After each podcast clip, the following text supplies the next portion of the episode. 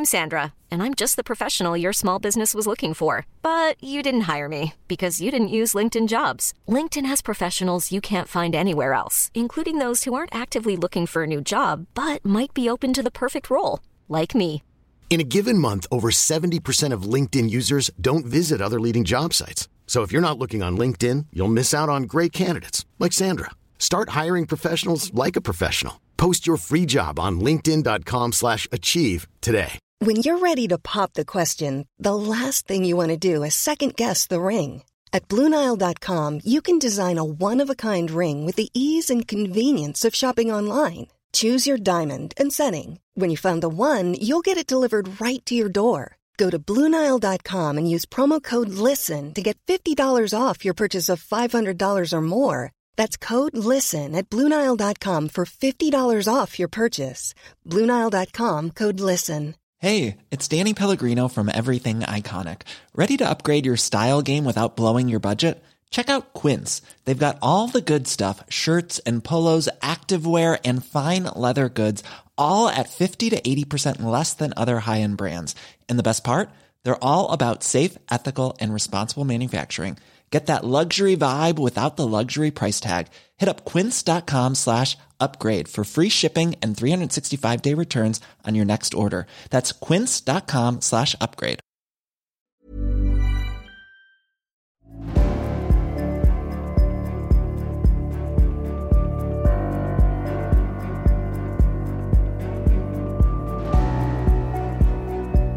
Du lyssnar på podcasten Samtal, en podcast med fokus på fria samtal. Den här podcasten presenteras av tidningen Bulletin. Om du vill få tillgång till samtal sju dagar före alla andra så kan du gå in på www.bulletin.nu och bli prenumerant. Då får du också ta del av hela Bulletins premiumutbud. Kom ihåg att Bulletin också finns som app till både iOS och Android. Länkar hittar du i beskrivningen till det här avsnittet eller på min hemsida www.samtal.ax. Jag släpper nya samtal alla onsdagar året runt och jag tar tacksamt emot tips ifall det finns någon du vill höra i podden. Idén bakom podden är att fokusera på fria samtal. Jag tror att öppenhet är grunden för det demokratiska samtalet och jag vill uppmuntra dig som lyssnar att exponera dig för samtal med någon du inte håller med. Jag heter Jannik Svensson och du lyssnar på podcasten Samtal. Det här är Samtal med Per-Ola Olsson och Rickard Axdorff. En, en podd som i vanliga fall leds av Jannik Svensson. Jannik har mycket att stå i, något som i, i alla fall tidsmässigt sammanfaller med turerna på hans arbetsplats Bulletin. Turer som blivit uppmärksammade så sent som igår. Det är absolut intressanta turer, inte minst för människor som gillar socialpar.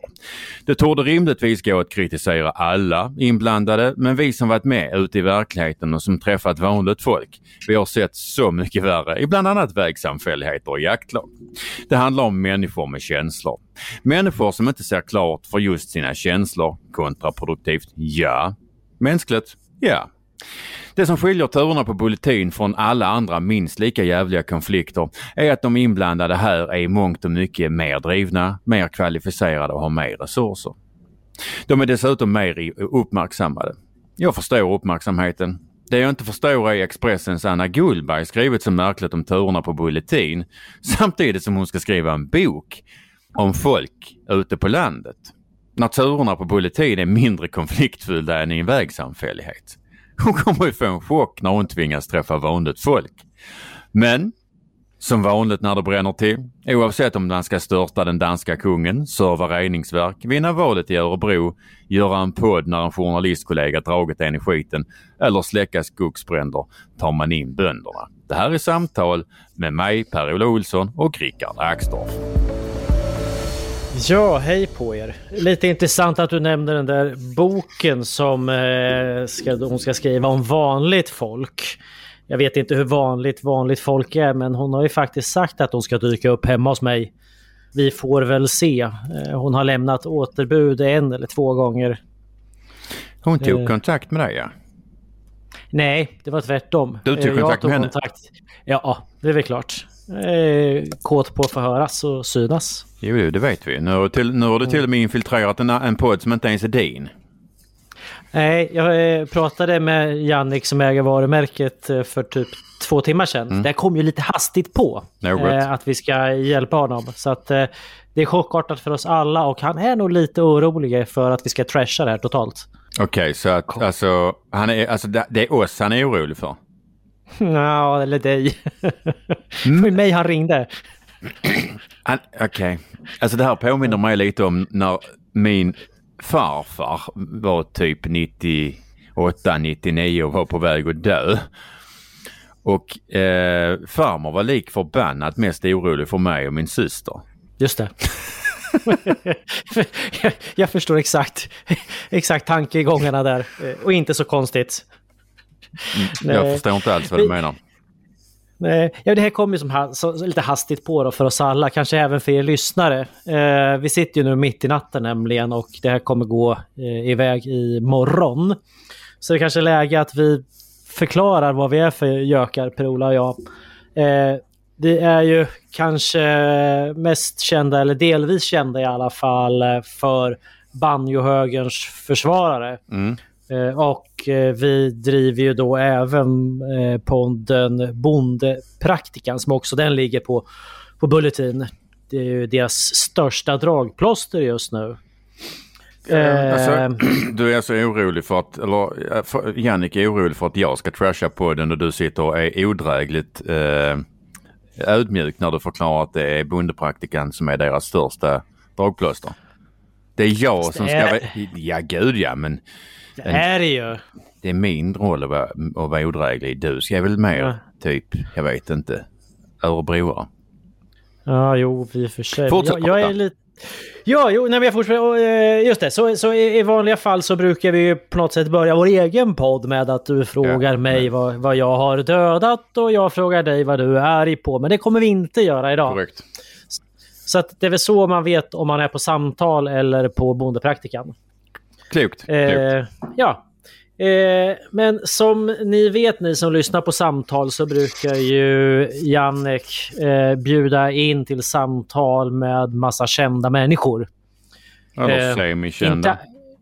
Ja, eller semikända. Mm. Eh, han har ju till exempel bjudit in dig, Per-Ola.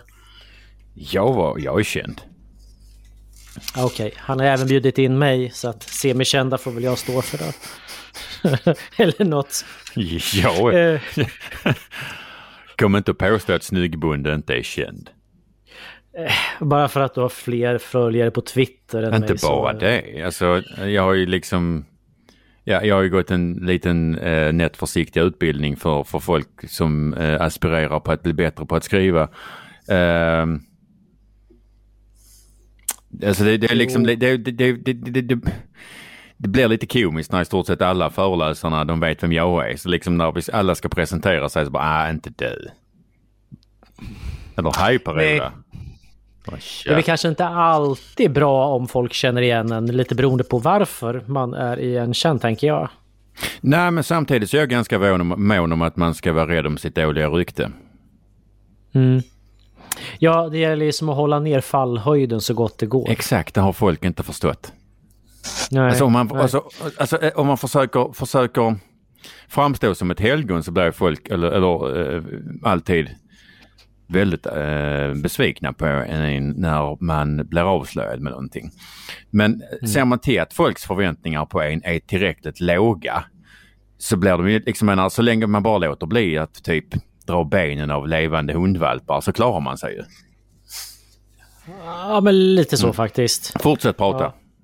Ja, nej, jag fortsätter att prata och, och, och, eh, eftersom vi är som vi är så eh, kommer vi ju naturligtvis göra precis tvärtom mot vad Janek brukar göra. Vi kommer ju då inte bjuda in eh, kändisar utan vi har gjort som så att vi, vi har bjudit in en gäst som är så gott som okänd. Mm -hmm. eh, I alla fall för de allra, allra flesta. Eh, men till till det lilla roliga hör att den här, de här typerna av människorna som ni nu kommer få lära känna, de finns där ute på vischan. Eh, Lasse är en utav dem. Vi har nämligen bjudit in en kille som heter Lasse Bredberg, eller Lars Bredberg, som eh, nu är någonstans uppe i de mörka skogarna i Värmland. Och han är en vi kan nog klassa in honom i banjohögen och han är en frihetskämpe och han har gjort mycket fina saker. Så att eh, jag, jag hälsar dig välkommen Lasse till eh, samtal. Tack Rickard. Eh, du, du, du, kan väl börja, vi, vi gör som Aron Flam. Du kan få tala om, vem är Lasse Bredberg? Ja, alltså jag funderar själv på det när du ringde förut och, och eh, ville på fem minuter ha in mig i en intervju. Då tänkte jag, men käre värld. Ja, vad ska jag säga? Ehm, eh, jag, jag bor här ute i Värmlandsskogen som du säger, eh, närmare bestämt mellan Sund och Torsby en liten byhåla som ligger mellan Lysvik och Mallbacken. Mallbacken vet ju alla vad det är, det är ju Mallbackens IF, Sveriges bästa damfotbollslag och så vidare. Så att eh, jag, jag bor här ute med min familj i en, eh, på en gård i ett litet, litet ställe som heter Rya. Och vi är fyra fastboende här. Uh, och uh, jag vet inte, jag ska fortsätta med, med uh, jag, jag, så... jag, har, jag har ju en bakgrund som musiker kan jag säga, då, så det är ju det jag har hållit på med eh, mestadels i livet. Jag lyckats vara folkhögskolelärare i 18 år tills min värdegrund inte stämde överens med folkhögskolans värdegrund. Uh, och uh, har i övrigt ett stort engagemang i bygden runt omkring mig här. Uh, på olika sätt i byföreningar och diverse så här. Så, eh, men nu är jag faktiskt fönsterputsare för jag tänkte jag måste ha ett riktigt jobb eh, efter alla de här åren som eh, folkhögskolelärare. Så, att, så nu har jag börjat putsa fönster. Så alltså dina det... tre grannar har alltså enormt välputsade fönster eller är det så att man, man blir inte eh, profet i sin egen hemstad? Nej, det är sämst i byn faktiskt. Det är det. det är, tyvärr. Attan. Själv, själv är det, det är helt förskräckligt. Nej men, ja ja, men Smeins häst och skomak skomakarens eh, fru. ja. ja, exakt. Men hur, hur, långt har du till en väg med mittlinje? Uh, inte, oh, fem kilometer. Ja, för det är nämligen det som är den, den officiella eh, bete, alltså, beteckning på hur, hur, hur avlägset man bor. Det är nämligen hur långt man har till en väg med mittlinje. Ja, fem, sex kilometer ska jag säga. Men, men eh, jag har ett grymt snabbt bredband faktiskt som jag har varit med själv och sett till att vi har här genom Bredbandsföreningen i, i Mallbacken. Så att över mossen som går här eh, en liten bit ifrån oss så går det ungefär eh, en och en halv kilometer eh, slang med en fibertråd i som gör att jag har ruskigt snabbt bredband. Eh, mång, det, det, är tur för oss idag. Många, ja. många, ja. Eh, många av de som lyssnar de är var, väldigt vana vid att eh, när man trycker på, vägg, på knappen i väggen så tänds lampan. Du har tut i luren och du har fiber och ett väldigt snabbt bredband. Och det är, bara, det, det är någonting som bara händer. Du, eh, kan du berätta lite om, om vad som är en, så, en fiberförening för de som inte riktigt ens hänger med på att ibland måste man själv gå, eller måste, måste man gå samman ute på landet för att få någonting till att hända? Ja, alltså fiberförening, är, rent konkret är det ju en ekonomisk förening som har eh, startats ideellt och som har eh, varit duktiga på att söka pengar då på den tiden det fanns pengar till bredbandsutbyggnad. Det var det nu 6-7 år sedan. Och, initiativet kommer från ett antal eh, grannar som vi säger, ja, men det, det, kan ju vara en mil till en granne här i och för sig, då, men, men som tyckte att nu räcker det med att vi inte kan ha den infrastrukturen fungerande utan man sitter på en ADSL, koppartråd som är 60 eh, år gammal. Mm. Så att, eh, ja du vet det är det vanliga, möte på bygdegården, två initiativtagare, eh, samlar 25-30 personer till ett möte och säger att vi vill, ta, vi vill starta den här föreningen. Och eh, vi vill ha lite hjälp med att få igång en förening och behöver starta en interimstyrelse. Och eh, det som händer då är att ingen räcker upp handen såklart eftersom det är ingen som har lust att och, eh, ta det ansvaret. Och, så då räckte jag upp handen givetvis, då, dum som jag är och eh, säger ja, så att det där blev jag sekreterare där. Så, men, men det, jag ska säga så här, vad är det att driva en fiberförening på landet? Ja, det är ett jäkla härk faktiskt. Därför att vi är ju all, vi, vi, vi är ju alla, nej men vi är ju amatörer va. Mm. Alltså, Eh, någon är duktig på ekonomi och någon är jätteduktig på att göra Excel-ark och jag är jätteduktig på att föra protokoll och, och, och sortera saker i någon sorts så här taxonomi så att man vet var papperna finns och sådär. Eh, men är ju egentligen inte bredbandsexperter på något sätt. Men vi lyckades väldigt bra. Det har varit skitbra. Nu har vi ett helvete med att avveckla det. Och, så men, ha, hade ni liksom inte skrivit in i stadgarna redan från början hur ni skulle döda föreningen? Nu tycker jag att du är lite så här insinuant att vi inte tänkte efter i början där. Nej, nej men det är ju så att jo, den, den finns uh, med. Uh, och, och, det är ju, det är ju egentligen formellt en överlåtelse då till, till Telia eller Skanova som det hette mm, en gång i tiden. Mm, mm. Så gör man en överlåtelse och det är ett nollsummespel sådär va. Mm. Så att, och, och, föreningen är stadd i kassan, det är inte så, men det, det, är ju, alltså, det, det räcker ju med att någon tjurig jävla bonde, höll jag på att säga. Det, uh, det, fin, det finns väldigt många tjuriga bönder, det ska absolut tillstås. Ja, ja men, han är inte så populär i bygden kan jag säga då, uh, för övrigt. Han, han är nere från uh, eh, Dalsland någonstans, det vet man ju hur det är. Det vet man, men, det vet man ju hur mm. dalslänningar är. ja, ja. sådär. Så att, nej, men och där var det ju något, något markavtal som inte var riktigt rätt och då sätter han sig emot och sen kan vi inte eh, likvidera föreningen. Alltså, vi, så här, vi har ju redan gjort det. Vi har ju mm. byggt fibernätet. Vi är ju mm. liksom klara. Ja. Vi, vi, kan inte liksom bära ideellt en sån, sån infrastruktur, utan det, det borde ju vara liksom eh, statens bolag Telia, då, mm. tänker jag. Men att stå... Nej, men så mycket jobb, men det, det var jag vill liksom bara förtydliga det att det är klart att vi visste vad vi gjorde, men det kommer, kommer ju alltid eh, oförutsedda saker som vi inte kan. Va? Och lantmäteriet hit och, och, och, så all byråkrati som finns runt omkring sånt här. Va? Den mm. är extrem.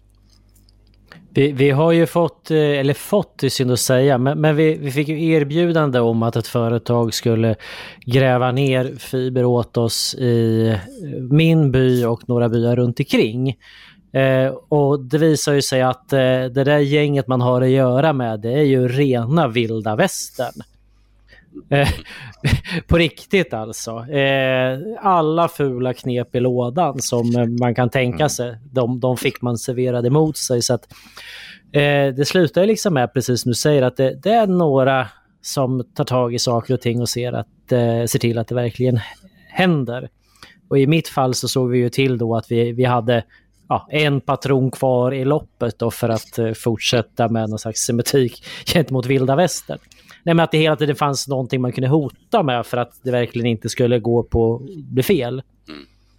Uh, men, men upp, upplevde du någon, no, någonting sånt eller var det liksom eftertraktat att ni kopplade upp er? Uh, ja, Telia kom med olika erbjudanden då, sådär va. Inte för att de sköt in några pengar i det hela, mer än lite schyssta, lite billigare uppstartsavtal sådär va, som de givetvis har tjänat en hel del på. Mm.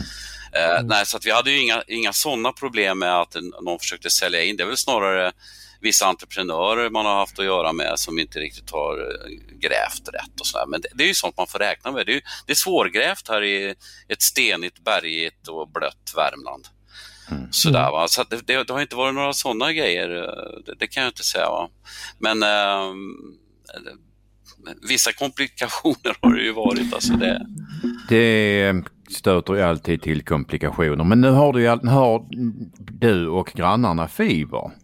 Något, ja, något... Jag, kan, jag, vill, ja. jag vill säga en sak som jag tycker är en väldigt positiv sak i sammanhanget och som handlar lite grann om hur, hur en, en sån här liten bygd håller ihop. Va? Och det är ju att när, när, vi började lägga planen för hur vi, vi skulle dra fibernätet runt i bygden här, alltså vi, vi har ju alltså en, en nästintill 90% i anslutningsgrad utav mm. möjliga fastigheter. Mm.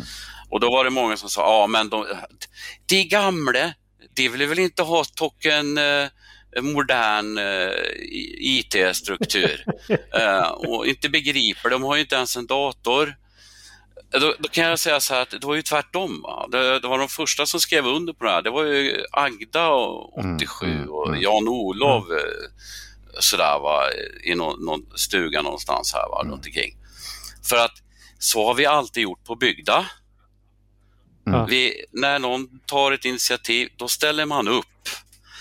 Och jag menar här i Mallbacken så pratar man om det, det finns något som kallas för Mallbackenandan och, och, och, jag tror den andan finns på många håll. Mm. Inte så, va? men att det finns en speciell stolthet över det här. Va? Att, att liksom uh, gå samman när det krävs. Men det är väl en... Det är väl en... Det är, det är ju så på ganska många ställen, eh, mer eller mindre, att, att man, eh, man ändå tar hand om varandra på något vis. Ja. Och att man, man, tar, hand, man tar hand om bygden. För att där finns ju där finns någon form av, av känsla för bygden och där man bor. Men du sa att du var inte så duktig på att driva fiberförening. Vad, va, va är du duktig på? Vi har, du har berättat att du har varit folkskollärare, men, men hur, ser liv, hur, hur, hur har livet sett ut de här första 60 åren? Ja men hörru, du vet att det, jag är ju från, eh, jag är ju stockholmer som de säger i Värmland. Jag är ju stockholmare från början, född på Södersjukhuset på Södermalm eh, 1960. Ja. Eh, och eh, så genomlevde mina, mitt första år i Stockholm, var, det är i alla fall vad, vad som har återgetts mig. så. Men, du, men, du vet eh, alltså inte? ja, grejen är ju att min, min pappa han var kommunist. Uh, och uh, det, det gjorde ju att han, han var ju väldigt intresserad av liksom så öst, öststatssystem. Uh, mm. Så att eh, vad jag vet så jag, jag har bott i Prag. Alltså, vi flyttade till Prag när jag var ett år. Vi bodde i Östberlin eh, när jag var två. Jag gick på tjeckiskt dagis när jag var tre år. Mm. Uh, och uh, min mamma och pappa de uh, jobbade på Tjeckiska radions svenska avdelning. Och jag satt och grunnade lite på det här i helgen. Där. Undrar, är det inte så att Stasi har så öppna arkiv så man kan leta lite på vad folk har hållit på med, till exempel min pappa. så. Det här är superintressant. Ja. Alltså, din pappa jobbar då för svensk radio men stationerad i Tjeckien? Ja, typ på det sättet kan man nog säga att det hängde ihop. Ah. Sådär, så att, eh, men min pappa var kommunist, han var väldigt intresserad. Han eh, höll ju på med, med kampen liksom, eh, under alla år. Va? Han blev ju sosse till slut, gudskelov. Men att han var, han var liksom sån riktig superröd människa kan man säga. Sådär. Och, och, och, jag kan inte påstå att jag har haft så väldigt mycket diskussioner med honom om det. Nu är han ju död, men Eh, jag har inga minnen av det där. Eh, jag, jag, var faktiskt eh, med min mamma i Prag 1968 när när ryssarna och, eller Warszawapakten ska jag snarare säga, forsade in genom, över gränserna till Prag. Och jag, har, jag har minne, jag var ju åtta år, jag har minnen av liksom hur folk gick på gatan där och, på gatan och grät för att om inte jag minns fel så var Dubček president i, i Tjeckoslovakien på den tiden. Och han var ju reformist, han ville ju liksom bryta upp det här äh, slutna samhället. Så, och det ligger ju kanske lite i den tjeckiska folksjälen att vilja bryta sig loss. Va? Men, men där, där följer liksom järnridån ner äh, rejält. Så att min, min mamma och jag vi var i Prag och vi träffade några gamla vänner från tiden äh, då när jag var väldigt ung och min pappa ringer till min mamma och säger att nu åker ni därifrån. Så vi flög där hals över huvudet och någon dag senare så klev Warszawapakterna in i Prag och resten är historia så att säga. Sen dröjde det ganska länge innan det blev fritt igen. Så att jag har ju de minnena där. Va? uh, Men hur, hur, hur var din... Dina minnen från den tiden, liksom, var det mycket politiskt i, i familjen? Ja, ja, herregud. Ja. Verkligen. Intressant. Så istället för morgonbön så var det någonting annat? Liksom. Jag ska säga att eh, efter att ha rest en hel del i Tjeckien, jag var ju där under 70-talet också, det är så att om du kommer till någon liten by någonstans i Mären, så, eh, vackert och fint och sådär. Så, men så, klockan sju på morgonen så startar några skräniga högtalare igång och propagerar liksom ar arbetarklassens lov. Så över, nej, över nejden liksom. Och, och, så, så det där, eh, ja, det, nej, men det präglade ju jag ska säga så här att det, man fick ju inte spela rock'n'roll-musik till exempel hur som helst. Och, ja, jag träffar ju folk som, eh, jag skulle säga, ett, ett, någon sorts mörker över de där människorna. Jag har varit i Moskva också under, under kommunisttiden där. Va? Det, det, inga restaurang, det fanns inga restauranger, inga liksom, krogar eller kaféer, utan det, det är så ett stängt samhälle. Mm. Ja. Så det, det, är den delen av, utav mitt liv, men, eh, men det finns ju mycket annat givetvis. Till exempel vad? Ja, eh, en grej det är väl det att eh, min, min kärlek till landsbygden, den, den tror jag jag präglades faktiskt också utav min pappa, för han var sjöman också. Och han var tillsyningsman ute på några skärgårdsöar, han jobbade åt Skärgårdsstiftelsen uh, i många år, uh, bland annat Grinda och på Fjärdlång. Mm. Och, uh, mm. Så jag har bott lite ute på skärgårdsöar och åkt väldigt mycket båt mm. och guppat runt sådär. Va? Så att, jag har nog aldrig varit någon stadsmänniska egentligen på det sättet. Nej. Nej. Vad intressant. Va, va, va, hur, hur, var det som relation, hur, hur, var relationen till, till din far eller hur, under din uppväxt? Liksom sådär? Ja, det, ja, det ska vi nog inte prata om för mycket. Nej. uh, om man säger, uh, det, var, det var som någon kusin till mig sa faktiskt, uh, när han hade gått bort sådär och vi hade någon diskussion om politik. Och så säger han så att ja, ibland faller ju äpplet väldigt långt ifrån trädet. Angående. så kan man säga. Men, jag höll på att säga. Ja, ja. Men, men alltså, det hör väl till eh, ungdomen och på något vis eh, både bryta sig loss och att, att eh, bryta mot reglerna. Ja. Och även att göra tvärtom. Men det ser vi ju ganska ofta att, att eh, barn eh, i alla fall under en period är alltså försöker vara, för, försöker vara olika sina föräldrar.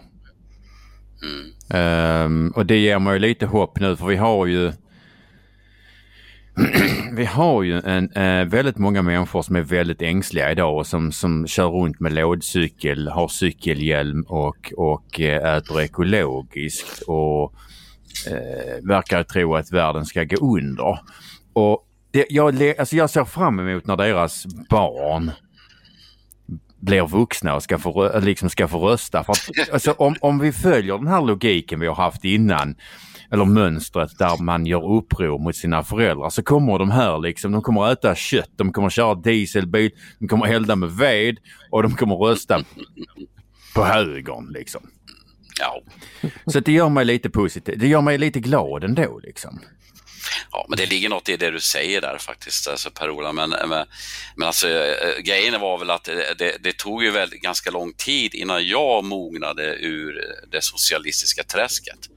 Alltså, man blir ju oerhört präglad. Jag tror det, alltså det tog nog ända tills jag var runt 40-45 där så tyckte jag, även om jag hade känningar redan innan att det är någonting som är galet med det här, mm. men, men, men, att just den här känslan av alltså frihetslängtan. Va? För jag kände mig alltid snärjd i, i de där sammanhangen när det var eh, mycket gröna vågare, liksom, eller mycket hippies, mycket du vet, det här. Att jag är ju musiker i, i grunden, va? jag har ju rört mig runt i i, de, i den, jobbat som kulturarbetare på festivaler och diverse. Va? Det, är, det är väldigt så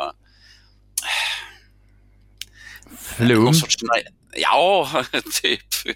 Så, men också en väldigt naiv liksom, syn på, eller förståelse för, för liksom hur realiteter hänger ihop. Va? Jag, jag tycker den här skogsdebatten är väldigt så här, extremt tydlig. Att, mm. att det är liksom en urban rörelse där handlar om. Va? De, de, har ingen, de har ingen koll. Alltså, jag stör mig enormt mycket på att man inte förstår sambandet med generationer till exempel. Jag menar, om man bor här i skogen där jag bor, mm. då är det ju så att när man tar ner en skog eh, som är färdigvuxen och planterar en ny, då är det så att personen som gör det kommer att vara död Mm. när den skogen är färdigvuxen. I regel. Och den personen gallrar, tar hand om den, eh, ser till att det blir, blir fint liksom för kommande generationer. Och, den, och det här perspektivet det har man inte som urban varelse. Utan de där människorna, de ska ju ha allting nu. Under min livstid får man inte ta ner en jävla pinne. Va? Nej. Nej, för att jag, jag tycker, liksom, otro, alltså egentligen otroligt egoistiskt. Mm. Enligt mitt förmenande. Va? Men visst är det så. Den är oerhört förmäten också eftersom man har någon form av uppfattning om att man, alltså jag har mycket bättre koll än vad ja, han som äger skogen som har äh, gått i den hela livet och vet exakt var det finns både eh, jordfasta stenar, surhål, gläntor, alltså var det går. Alltså man har, han som kan sin skog. Ja. Han, han, han är säkert jätteond men jag som bor på Södermalm. Jag vet min själ hur han ska kunna sköta, hur han sköter sin skog bäst. Mm. Jag vet, det, det, där är otroligt irriterande. Jag ska säga att folk här runt omkring i bygden, de, de skiter ju fullständigt i vad folk tycker. Problemet, problemet blir ju när det kommer myndigheter och plötsligt bestämmer att det, ja, det, här, det här, du har en nyckelbiotop här. Mm. Jo, jag vet. Ja, precis. Vem är det som har skapat det? ja, ja. precis. Så, men men, men liksom, då, då kommer det här skyddsbehovet och jag, jag, jag menar att det är helt meningslöst för det behövs inte. Folk Nej, tar hand om sina skogar va? och jag menar nu, nu är det, det är jättestora avverkningar här i kring men det har ett naturligt skäl och det är ju granbarkborren. Ja, ja. Ja. Jag, jag tycker på något sätt att vår, vår gemensamma kompis Karina har satt ett ord på det här som jag tycker ändå är rätt tankvärt. Och det är ju att eh, he, hela det här systemet bygger på en urban folktro. Eh, och jag, jag, jag tycker det är... Alltså ord är viktiga och urban folktro sätter fingret på någonting väldigt viktigt här. ja, det är ju Eh, klockrent. an- ja, för i andra skå, skålen har vi på något sätt sån här traditionell ekologisk kunskap. Alltså att eh, någonting som är inbyggt i generationer eh, över lång tid. Där man dessutom då ser långt framåt som du själv påpekar Lasse om att ja, man, man gör en handling idag som frukten kommer i bästa fall ens barnbarn får, får liksom skörda. Ja. Eh, och däremellan kommer den här urbana folktron och ska tala om hur man ska göra och inte göra. Ja, men man kan ju dra ett scenario. Va? Låt, låt säga här att helt plötsligt försvinner alla människor härifrån. Eh, och, och hur ser det ut här om 30 år? För jävligt. om man inte tar, ja, eller hur? Mm. För jävligt va? Jag menar, försök att gå i en skog som inte är skött. Nej. Så, det tar du ju inte framåt, speciellt i såna här berg och blöt terräng som det ser ut. Det, det, blir, det blir, blir bara sur mark. Ja, alltså, När, när, folk, när folk vill gå ut i skogen, då vill man gå ut och sätta... Och det, det tycker jag är väldigt roligt, just det att man säger åh, tänk vad härligt att få gå ut i en orörd skog och sitta och bara ta in den och sätta sig på en stubbe och Mm. njuta. Alltså, alltså för att kunna överhuvudtaget, om vi börjar där med, med stubben, så för att överhuvudtaget ha en stubbe att sätta sig på så måste någon annan jävel ha fällt ett, ett träd. Exakt. För annars finns där ingen stubbe. Eh, jag noterade att du skiftade över till Stockholmsdialekt när du... eh, Ja, vet. Jag, jag får ofta skäll för att eller, eh, så här, jag, jag, ibland tänker jag så här att jag förstår hur invandrare känner sig. När folk säger så här, du är inte härifrån va? Fast här är det så här, du är inte härifrån va? Eh, så, för att eh, jag, jag inte pratar värmländska, men jag var, för, jag var 21 år när jag kom till, till, till Värmland. Jag har alltså bott i Värmland i 40 år. Mm, mm. Halleluja. Eh, så att jag är assimilerad med, med språket. Du. Nej men språket Alltså, är... om, jag blir, om jag dricker några pilsner på marknaden, eller Marten som man säger, då, då pratar jag ju bred värmländska, men det låter ju så jävla fånigt. Jag förstår, Så jag att, eh, förstår. Jag, ja, men språk, alltså rättare sagt, sp- språket är ju...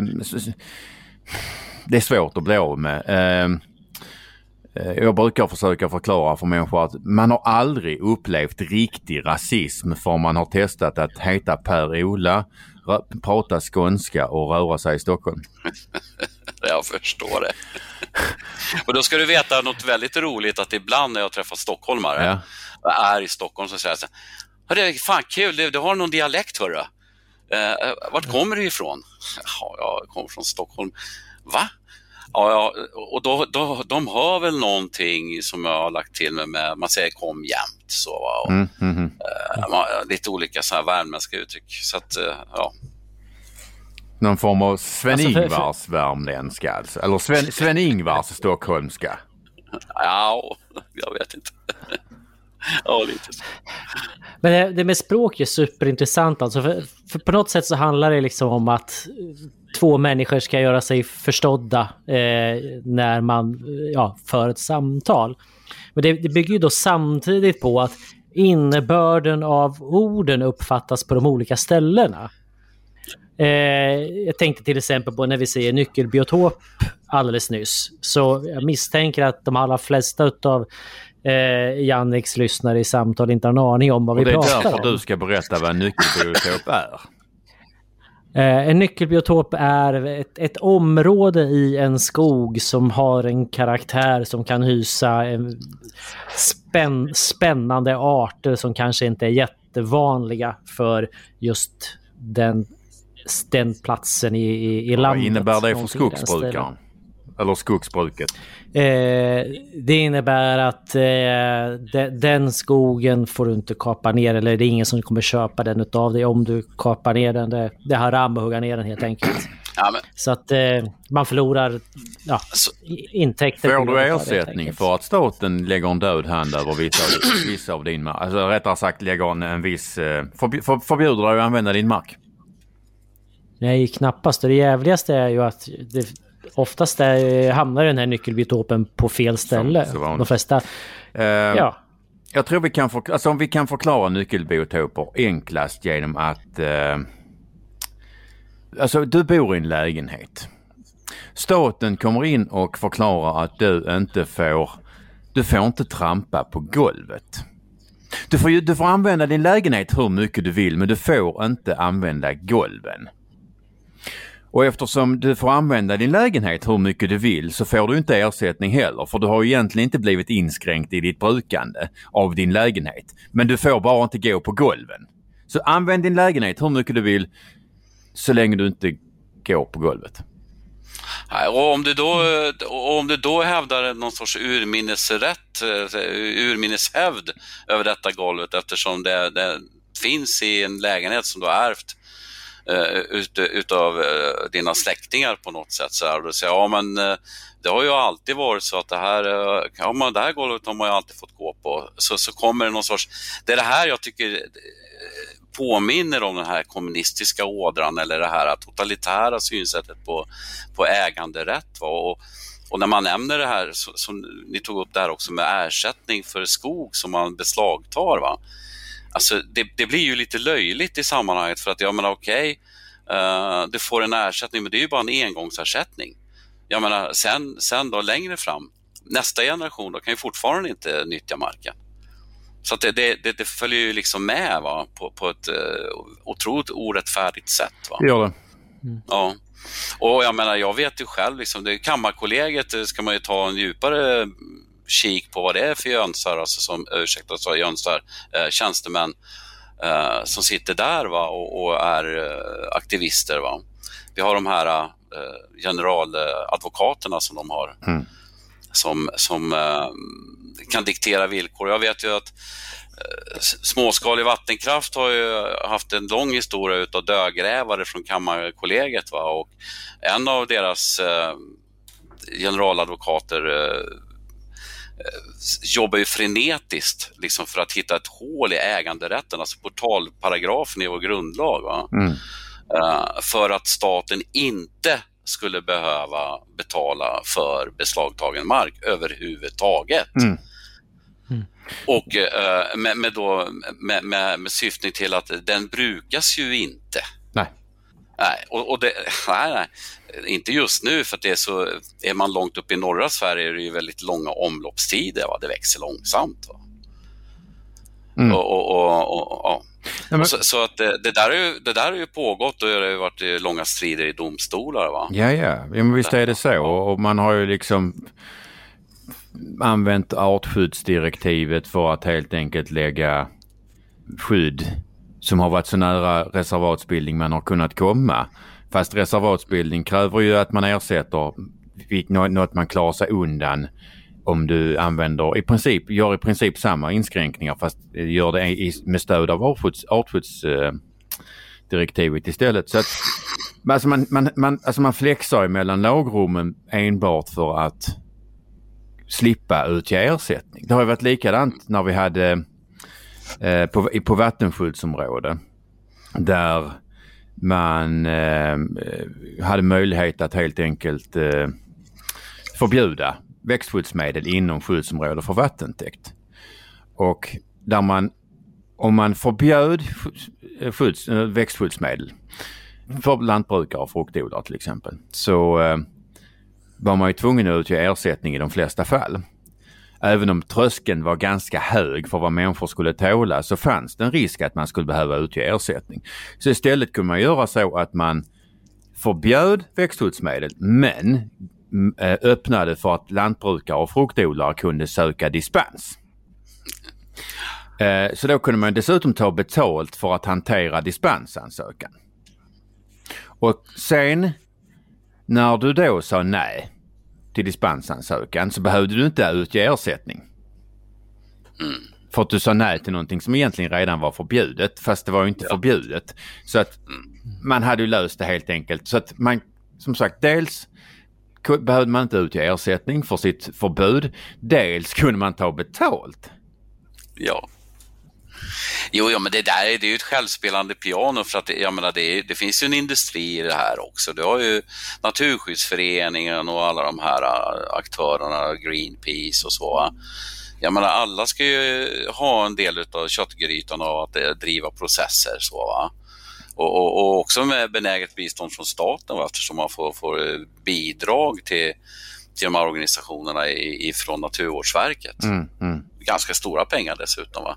till juristhjälp. Så att, jag menar, är du en enskild person som hamnar i, i i rävsaxen eh, hos en myndighet så ska du inte bara slåss med myndigheten utan du ska också slåss med, med då de här som har talesrätt i, i de här olika miljöfrågorna. Eh, som då, som då och, och, får bidrag ifrån staten. Så att du, du, du, är en ensam sakägare eh, mot tre parter där alla spelar i, i samma liga. Va? Och, och där, och där du dessutom har betalt dem? Ja, ja, självklart. Och de ska ju alltid liksom, och, och sen ska man betala deras rättegångskostnader också, givetvis. Ja, ja. Kammarkollegiet, jag säger så här, kolla in Kammarkollegiet, alltså där, där har du att de ska hålla på med miljöfrågor, det, det kan man ju fundera på om det verkligen är helt sunt. Va? Och, och, och, det är så att det, det man liksom hela tiden hävdar, vad jag förstår som inte är så kunnig på myndigheten, men att Kammarkollegiet är väl Sveriges äldsta myndighet. Och den finns till för att tillvarata all, den, de allmän, det allmännas bästa tror jag står skrivet någonting så att det, och, och då, då, kan man ju hitta, då kan de ju hitta på att det är för det allmännas bästa att vi förbjuder någon att avverka sin skog eller att vi tvingar någon att driva ut sitt kraftverk eller något sånt här. Va? Det är för det allmännas bästa. Och, det, och jag har alltid funderat på vem är det som definierar det egentligen? Och, och då är det alltså... någon sorts eh, paragraftolkningar som är idiotiska. Ja men alltså du, du är inne på en väldigt intressant punkt där för att alltså typ ända sedan, jag vet inte, Axel Oxenstierna, Oxenstierna mm. eh, så har vi haft uppfattningen att det är staten och dess myndigheter som är de som är ändå är bäst skickade att tillvarata allmänhetens intressen. Mm. Punkt.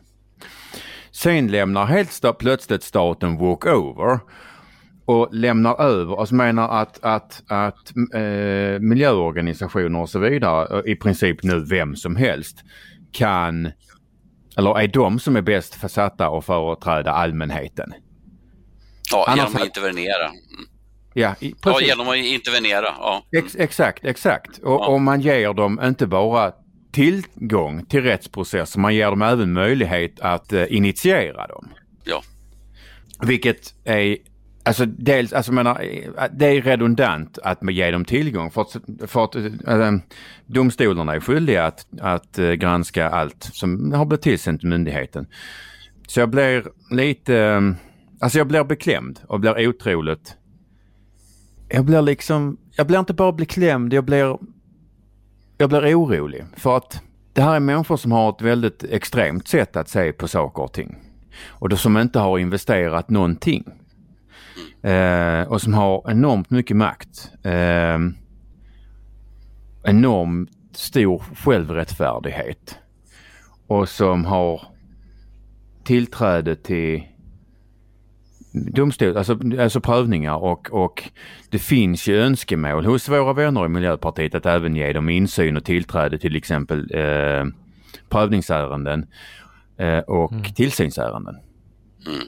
Och alltså när vi kommer, alltså jag menar, om folk tycker det är jävligt nu med när man har rätt att initiera prövningar. Alltså menar, när, när de här människorna har rätt att ta, alltså, i, alltså intervenera i, i tillsyn. Då, är, alltså, då blir det fan inte bra. Mm. Ja, men alltså, man, man, får, man kan backa bandet lite va, för att jag tror att miljörörelsen mm. som sådan hade ju har ju inte någon som helst chans att eh, genom politiska medel få igenom det man vill åstadkomma. Eh, som, och det man vill åstadkomma det utifrån någon sorts ekosofisk, rewilding Europe, religiös syn på naturen. Vi pratade lite om det här urbana. Va? Men man, man insåg att politiskt sett, och vi ser ju liksom, hur, hur går det för Miljöpartiet, de ligger under 4% nu. Politiskt så når man inte sina mål, men däremot så kommer man på väldigt tidigt att det är genom juridiken vi mm. vinner mm. kampen. Mm. Och det är ju det som händer. Va? Och om man tittar på eh, juridikutbildningarna, vi kan ta speciellt eh, Uh, Uppsala universitet. Uh, ni får klippa bort det här om ni vill, för nu namedroppar jag lite. Va? Men uh, Darpe och Michanek, det är ju, det är ju två, de är nästor liksom när det kommer till den här gröna, liksom, uh, de har skrivit ganska mycket om, alltså de är oerhört skickliga, uh, ska man säga då, juridiskt kunniga inom sitt område, alltså miljöjuridik. Det är ungefär lika svårt som att vara expert inom ekonomiska frågor va, som jurist. Va? Mm, mm, mm. Det, är, det är oerhört komplicerat. Och, och, och de här Darpo och Mishanek, de har ju bildat skola va, för aktivism genom uh, juridiken. Va? Och, och de har utbildat horder utav miljöjurister och nu jobbar de som limnologer, de är kommunbiologer, de jobbar på Länsstyrelsen, de jobbar på olika advokatbyråer mm. eh, runt omkring. Va? Alltså, man, man, har alltså, jag vet Rickard skrev en väldigt bra artikel om entrismen i, i, i bland myndigheter. Det är ju så entrismen har gått till. Mm. Mm. Det, det, är ju att miljörörelsen bestämde sig helt enkelt för att det, det, det är den juridiska vägen vi ska gå. Va? Och mm. man har ju också i ett alltså ett europeiskt perspektiv har man ju varit väldigt framgångsrik i EU. Oh ja. Uh, ja. Eh, och, och, går också väldigt starkt fram eh, där. Va? Eh, jag ska inte säga lobbying, men det, det finns någon, någon, någon liksom Ja, det är en väldigt stark kraft skulle jag vilja säga och, och den skrämmer mig. Va? För att då är det plötsligt, då, då har staten sitt våldsmonopol helt plötsligt bakom detta. Va? Uh, som då någon läns, någon från Länsstyrelsen eller någon från någon annan myndighet eh, tycker att det är jättekul att, att få eh, lägga ner det här eh, vattenkraftverket ute i den värmländska skogen. Va? Därför mm. att det finns någon jävla fisk som är prickig som absolut ska simma där. Har den någonsin simmat där? Nej, nej det, så är det på många ställen faktiskt. Nej, men alltså ska de inte ompröva typ alla vattenkraftverkstillstånd? Eh, ja, det, ja, det är ju nappen, det är ju nationella planen det som man... Eh, eh och det, det, är ju ett havsverk liksom. Det, det är ju för att eh, blidka miljörörelsen som, som, som, man har liksom någonstans gått med på det här. Och, eh, det handlar ju också om EUs eh, e vattendirektiv i det här att man, man, man, man, tror, man tror att det är det EU vill. Eller man använder det snarare mm. på ett sådant sätt att, att, att, att, så att säga, skylla på EU. Det är ju länge sedan som vi avslöjade att det där är helt falskt. Mm, mm. Att EUs vattendirektiv skulle då Eh, innebär att du måste riva alla små kraftstationer i hela Sverige, vilket ju är bullshit. Det var inte alls vad, vad, vad var liksom syftet med det där. Va? Nej, nej. Men nappen, det, det, är ju den som är på, på banan. Och att det, alltså så här, det, det, finns ju många vattenkraftsägare som tycker att, att det, det kan vara bra för att man, man, är, man är ju miljövän. Det är väl alla som mm. lever ute så. Vi vill det, liksom det bästa och kan man göra lite bra, schyssta miljöprövningar sådär och, och eh, förbättra någonting så är väl det fine. Liksom. Men det är ju inte det som myndigheterna jobbar emot, va? utan det är ju totalt att skrota. Och jag vet på en del håll har, man, har ju folk som en gång har gått med i den här uh, nationella planen har backat ur för att man känner att det är en plan för nedläggning mm. eller utrivning. Ja, men det, det, det, det är ju i princip mer eller mindre uttalat att det är en plan för nedläggning och utrivning. Ja. Ja. Eh, vilket gör att det kan bli ännu mer spännande på elmarknaden när, inte, när vi inte ska ha vattenkraft heller. Ja, nere, nere i södra Sverige, ni drabbas mest. Det är där vi har de allra flesta småskaliga vattenkrafterna. Det är ju ja, ja. Småland och neråt. Ja. Nej, det kan bli... Eh, vi har ju jätte, vi har ju dyr ström här nere redan. Mm. det är lite... Det, ja. det, det, finns, det finns något intressant i det här också. Det är att systemet, det kräver ju på något sätt pengar. Jag tänker på det här, om vi säger kallar det för aktivistsystemet eller de som du nämnde tidigare, ekosoferna. Eh, och, och, och eh, ett exempel på det är ju att när, när Naturvårdsverket då stoppar pengar rakt ner i en av de här organisationernas fickor. Eh, jag tänker på Älvräddarna. Eh, jag tror att du Lasse har bra kunskap om oh, det. Gud, don't mention the war. Mm. Jo. Ja. Annars gör jag det och jag är inte... Alltså, det, det, finns bara två vägar här. Antingen gör jag det och då kanske det blir dåligt eller så gör någon av er det.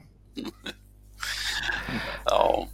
Ja, nej, men saken var ju den alltså att man, man, man från Naturvårdsverket, alltså en statlig myndighet, så, så stoppar man pengar ner i Älvräddarna och de är ju då vikta för att driva juridiska processer, eh, det vill säga eh, mot privatpersoner. Mm. Ja, de, har, de, har de, de får pengar att anställa jurist eh, inom sitt mm gebit. Ska, ska. Och, och, då givetvis så hävdar man det därför att man ska kunna stå upp emot de här eh, stora eh, vattenkraftsbolagen.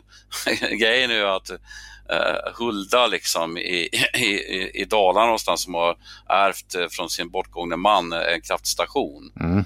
är ju inte, liksom, har ju inga muskler att ställa upp emot. Nej det har Nej, man inte. Detta. Men man... Nej, älvräddarna, alltså det, det är ju... Jag har haft mycket med dem att göra faktiskt. Inte på något positivt sätt kan jag ju säga då. Men det, uh... det är ju inte bara älvräddarna som har, som har, har eller får eller har fått pengar för att, för att sitta och överklaga beslut. Även eh, Naturskyddsföreningen var det väl som fick, ja, fick, sitta, fick, för, ha två jurister till att sitta och överklaga Ja, Naturvårdsverket i praktiken betalade för att få sina egna beslut överklagade. Mm. Mm. Um. En av de där tjejerna som slutade som, som jurist eh, begärde jag ut hennes eh, uppsägningsavtal. Och det, det, är rätt roligt att läsa. Det, det, det, sker ju då med vers, eller med en vers i uppsägningen. Tyckte det var lite sött. Och sen okay. så får de ju en, en rätt rejäl skopa pengar med sig eh, in i boet. Mm. Mm. Jo då. nej men jag, jag, jag, vet vem du syftar på. hon, hon, äh, äh, men hon kommer från Kammarkollegiet äh, har jag för mig, om jag inte minns helt fel. Ja. ja. Det var de du inte tyckte om va Lasse? Mm, nej. nej. Jag tycker, jag, jag, jag, alla ni som, om det är någon som lyssnar på det här, granska Kammarkollegiet. Så, för de har väldigt stor inverkan. De, de har några av de absolut bästa eller duktigaste, mest pålästa jurister som finns i det här landet dessutom på vilket, området. Vilket är ganska, alltså, faktiskt lite ovanligt för oftast är ju alltså, de statliga verken annars slasken. Mm. Eh, faktiskt. Alltså, men om du tittar, vet, eh, tittar på jurister, men de, alltså, det är oftast inte de, de allra skarpaste som jobbar på till Nej. exempel Länsstyrelsen. Det är slasken, liksom, de som mm. inte får jobb någon annanstans. Så att, eh, och jo, de kan vara väldigt duktiga och ideologiskt drivna. Jag skulle, vilja säga, jag skulle vilja säga, jag har suttit på en rättegång eh, med miljö, Mark och miljödomstolen så, och sett Länsstyrelsens uh, tjänstemän eller aktivister kanske vi skulle kalla dem för. att och det, det, är ju det är ju någonting mörkt över de där människorna. Mm. Det märks i hela deras hållning, va? även om de har en fin kostym och, och är vältaliga och har en massa powerpoint-bilder med olika diagram och, och påhittade data så här. Va? Så, eh, liksom, det, det, är något mörkt över det. Va? Och, eh, och det oroar mig att, att, att sådana människor har en sån makt. Va? Eh, jag ska säga så här att det var en chock för mig mm. hur, hur starkt det där systemet är och hur liten en människa kan bli i, i förhållande till det. Va? Vi kanske ska backa bandet lite grann tänker jag. V hur kommer det sig Lasse att du har engagerat dig i vattenfrågor? Ja, alltså, ja, det är ju helt osökt från början. Om man säger så här, jag bor ju i ett landskap med väldigt mycket vatten och väldigt mycket strömmande vatten. Både stora och små vattendrag. Jag bor inte så långt från Frykensjön här, va, som är ett fantastiskt vattendrag. Ehm, men Alltså, det hör till saken att, att, här i Mallbacken finns en gammal kraftstation som heter Silverforsens kraftstation. Och eh, Gunnar som drev den där, han, han, byggde upp den där verksamheten tillsammans med sin bror Martin. eh, redan på 50-talet började de och de, de, byggde båtar bland annat och eh, en hel del möbler och, byggde upp en såg, eh, en, ett fantastiskt snickeri, eh, och, och, deras ekor, de finns fort, flyter fortfarande omkring i vattendragen här. Så, och, och väldigt bra. Men, men de bestämde sig för att de skulle bli självförsörjande på, på elen. Så att det fanns ett dämme här då vid Silverforsen som, som har funnits sedan 1700-talet. Mm, mm. Där man började göra el någon gång ja, när kan det ha varit? Det var ju lite innan kriget i alla fall, men, men att man började producera lite mindre el. Men, men de byggde upp en, en, en, en rejäl kraftstation där för att driva sitt snickeri helt enkelt. Va? Mm. Och äh, jag vet, jag har, ju, jag har ju gått där många gånger äh, när min grabb Alvar var liten så brukade jag ta barnvagnen och gå över där det var så otroligt vackert. och vid, vid ett tillfälle så, eh, jag sitter ju med i Mallbackens byalag och vi hade ett, ett styrelsemöte där vi hade en person som kom på besök från Hushållningssällskapet som berättade om situationen för Silverforsens kraftstation, att den var hotad mm. Eh, med utrivning. Och den historia jag fick höra då utav den här personen från Hushållningssällskapet, eh, den gjorde mig sömnlös. Eh, jag var så arg jag var så jävla arg. Så. Och när jag liksom fick klart för mig vad det var för människor som var inblandade i det här, va, så tänkte jag så här, nej, det här, det här får inte hända helt enkelt. Mm. Det här får inte hända, så jag började engagera mig i detta. Eh, och helt på ideell basis. Mm. Eh, och eh, vi skulle ha ett samrådsmöte. Och då tänkte jag så här, med, med Länsstyrelsen då, om just det här. Och uh, jag bestämde mig för att det här måste vi föra ut. Folk måste få veta att det här händer så att eftersom jag är en sån Facebook-idiot mm, så gjorde, gjorde, jag, gjorde jag en evenemangssida helt enkelt att, att det ska bli samråd i Mallbacken angående Silverforsens kraftstation. Mm.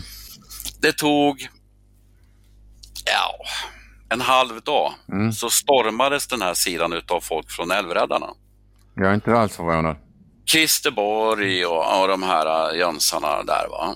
Uh, och började liksom med insinuationer och att riv skiten och bam, bam, bam, spräng skiten. Mm, mm.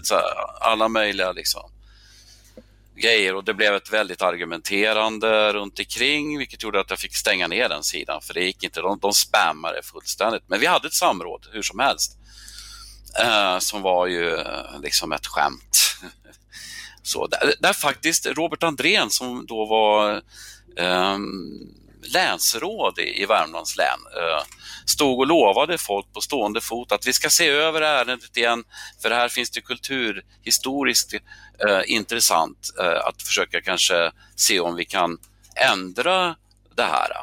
Och sen försvann han och nu tror jag att han jobbar på Energimyndigheten någonstans. men, men hur som helst så, så där någonstans kände jag att det här, det här är ju ett angrepp. Mm. Det är ju det är inte liksom så att man bryr sig om miljön. Nej. Det, det, det är ett angrepp framförallt på Gunnar. va? Mm. Ja men gud, så är det. Jag, ja, jag... ja, men det är en god gubbe liksom. nej, nej, men det har ju i stort sett aldrig handlat om miljön. Jag läste en, en eh, ganska lång artikel eh, på ja, ett hyllningsreportage till några som hade blivit eh, de hade fått lite böter för att de hade suttit i vägen för bilar. Eh, och, och, alltså de trodde inte på att det liksom blev bättre för miljön men det dämpade deras klimatångest. Mm. Så menar, alltså genom att få, alltså, menar, alltså väldigt många av de här människorna på den sidan som vill, som vill begränsa oss och vill begränsa vår frihet och vårt ägande och liksom vår möjlighet att faktiskt göra någonting bra för både oss själva och för, för, för framtiden. De verkar liksom de verkar på något vis utgå från att det finns en, en begränsad mängd lycka i universum. Och, och alltså enda sättet att själv må bra det är ju att se till så att någon annan mår sämre. Mm. Och det är kanske inte en jätte... Nej, alltså det var ju en väldigt nedlåtande ton hela tiden. Och, mm. Uh, det, det, där, vet du, att det, det finns ju ingenting som retar upp Bredberg så mycket som uh, när folk är nedlåtande. Yeah. Och, och, och också att det var väldigt aggressivt. Va? Mm. Alltså jag, jag har ju själv fått hot. Va? Jag har ju blivit hotad. Va? Jag är inte alls vi vet, vi vet vart du bor och såna här saker. Mm. Mm. mm. Och du Lars Berberg som är med där, bam, bam, bam. Alltså, de, de rotade i mitt liv gjorde de. Mm. Jo men det gör de. Ja, eh. och, och, men, men alltså, de retade ju upp fel gubbe där. Va? För att det, det här gjorde att det startade då en, en Facebookgrupp som hette Bevara Silverforsens kraftstation. Mm. Och uh, den, den ligger på is nu eftersom vi vann mm. till slut. Men, men uh, jag kan säga att jag startade egentligen ett uppror på i sociala medier genom det här Facebook-kontot. Va? Jag, jag förde samman folk från alla landsändar i Sverige faktiskt, som, hade, som inte visste om varandra men som led i samma kval. Va? För att jag menar, det var ju inget, man pratade ju inte så högt om småskalig vattenkraft i media. Nej, så. Och, och Christer Borg, han vart ju ut, Aftonbladet gav honom så här, årets miljöhjälte och sådana saker. Va? Mm. Inget, så att jag förde, förde ihop de här människorna och det har ju, det har ju växt efter det. Va? Nu finns det många, liksom, det finns en en stödförening för småskalig vattenkraft till exempel. Så, va? Och, jag mm. förde en väldigt aggressiv kampanj. Jag, jag menar de här människorna bland älvräddare och sportfiskare, de hatar ju mig. Va? De hatar mig. Dessutom så har jag avslöjat aktivistiska tjänstemän, eh, en person på Länsstyrelsen i, i Värmland bland annat. Så, Bara alltså. en? Ja, det är ju fler, men, eh, men, eh, men, men, men, riktigt så, så att han hamnar i frysboxen. Så att. Och de fick återkalla hans tillsynsärende på grund av jäv. Mm. Han, satt, han satt alltså och skrev på Älvräddarnas Facebook-sida att han, ja, imorgon, imorgon när jag kommer till jobbet så ska jag gå igenom akten där och kolla vad, vad, vad, vad som står där och vad vi kan göra åt saken. Jag ska göra idioten, det är fullständigt öppet på, på, på Älvdalens Facebook. Va? Jag vet en annan länsstyrelse där eh, vi behöver inte gå in på vilken, men eh, det var en bonde som ville eh, bygga till fler grisar. Eh, och den som hanterade ärendet på Länsstyrelsen satt själv och skrev eh, överklagandet eh, i Naturskyddsföreningen, lokala Naturskyddsföreningens namn. Så den både hanterade beslutet och eh, skrev överklaganden. Sen, alltså, jag ska bara en, du får vänta lite, jag ska berätta färdigt Rickard. Eh, sen så begärde den här bonden eh, syn och muntlig förhandling. Eh, och eftersom då den här eh, aktivisten fick eh, företräda Länsstyrelsen på den här synen så kunde ju, eh, var ju de alltså, lokala eh, ufona som var, som var rent officiellt ledde Naturskyddsföreningen. Det var de som fick komma för Naturskyddsföreningen talan. Eh, sumpade fullständigt och till slut så vann bonden. Det var... Eh, alltså vi behöver ju... Alltså, vi behöver göra någonting åt aktivistiska tjänstemän. Jag har fan skrivit en halv, halv eh, bok om dem. Eh, jag har skrivit ett otal artiklar om det också. Och det är ett, det är ett problem. Ett generalproblem. Mm, mm. Jag, jag, säger ju inte att det var Länsstyrelsen i Skåne, men det skulle ju kunna vara det med tanke på din dialekt. Nej, eh, den var lite mer, men, alltså, men, den var lite mer längre, så ska, som du följer östsidan upp eh, så hittar du eh, ett annat landskap. Vi behöver inte ja, gå in alltså så för, noga alltså på det. Men... Alltså Blekingeborna är ju trevliga. Jag gillar Blekinge. Eh, men det var inte Blekinge utan du får fortsätta lite till. Ja, och, ja, jag, är så, jag är så jävla dålig på, på geografi. Men jag tänkte på en annan länsstyrelse. Ja, jo.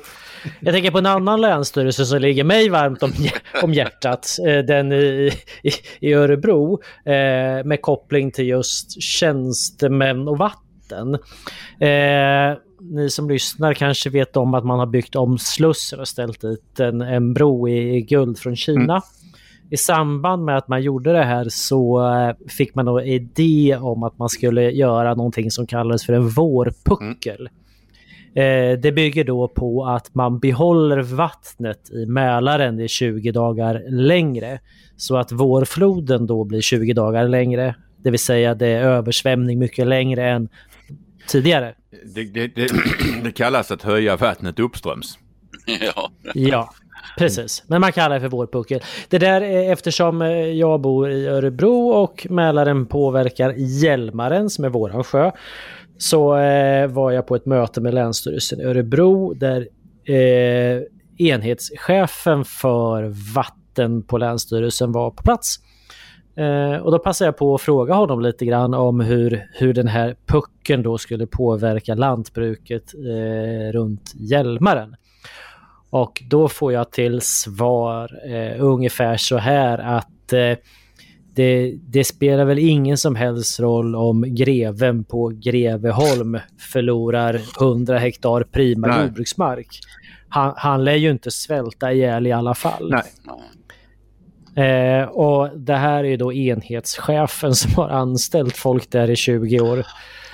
Eh, så det, det, finns en hel del att göra. Och det här med vatten är ju också lite intressant för att det, det kommer med en historia. Du nämnde Lasse tidigare att eh, 60-talet sa du någonting, men jag misstänker att man har hållit på mycket, mycket längre på den här platsen med, med eh, vattenkraft. Ja, eh, Silverforsen är ju väldigt intressant. Man, man har ju rektifierat eh, kartor. Va? Alltså det, Värmlands museum har ju då gamla ursprungskartor från, som är daterade eh, och belagt då från 1700, ja, slutet av 1700-talet och då där finns det första dämmet inritat. Och det, det är ju så att på, på, platsen är det ett naturligt vandringshinder för övrigt. Det, det, är en väldigt hög fallhöjd där. Det mm. var ju förmodligen ett litet vattenfall en gång i tiden. Uh, så att det var ju klart att bönderna kom på att ja men här, här kan vi ju här kan vi ju använda vattnets kraft för att mala vårt, vår, vårt mjöl helt enkelt. Va? Så, är så, mm, mm. så är det ju överallt på de här ställena. Det har börjat, börjat med att man dämmer vattnet för att äh, göra energi på något sätt. Va? Så att det, den är ju väldigt gammal. Om man tittar på de rektifierade kartorna så har det hela tiden liksom byggts ut ända, ända till i, i våra dagar. Va? Så, så, så, har det varit ett dämme på platsen. Va? Och, och, det var ju, det fanns också ett privilegiebrev på detta. Va? Uh, mm. Annars kan det bli riktigt svårt. Uh, men, men att det, det man vann på till slut, det var ju egentligen en lagändring där eller där vi vann, får vi säga, mm, mm. där, där urminnes hävd skulle räknas som, som gällande tillstånd enligt miljöbalken. Um, och, och, jag tror att det var liksom det huvudsakliga skälet och att, att man har lite tur med vem som sitter som domare dessutom. Men så är i fallet. det. Så är det. Ja. Alltså ja. både domare och föredragande är ju extremt viktiga. Ju. Ja, ja. Jag, jag ska försöka mig på en tråd på, på just det ämnet. För jag tänker lite grann så här att när, när vi är i orådshärdar så när man typ intar ett nytt land eller någonting i den stilen så ser vi ofta hur man, man spränger monument, man raderar historien och så mm. vidare. Mm. Det är ju mer, mer vanligt än ovanligt. Eh, och på något sätt och i någon mån så är ju faktiskt de här vattenkraftverken en del av vår historia, en del av våra monument, ja. en del av den, den brukande landsbygden. Mm. Eh, och tidigare så pratade vi om, om en, eh, en idé, en syn på naturen. Du, du nämnde själv, eh, Lasse, ordet ekosof eller ekosofi.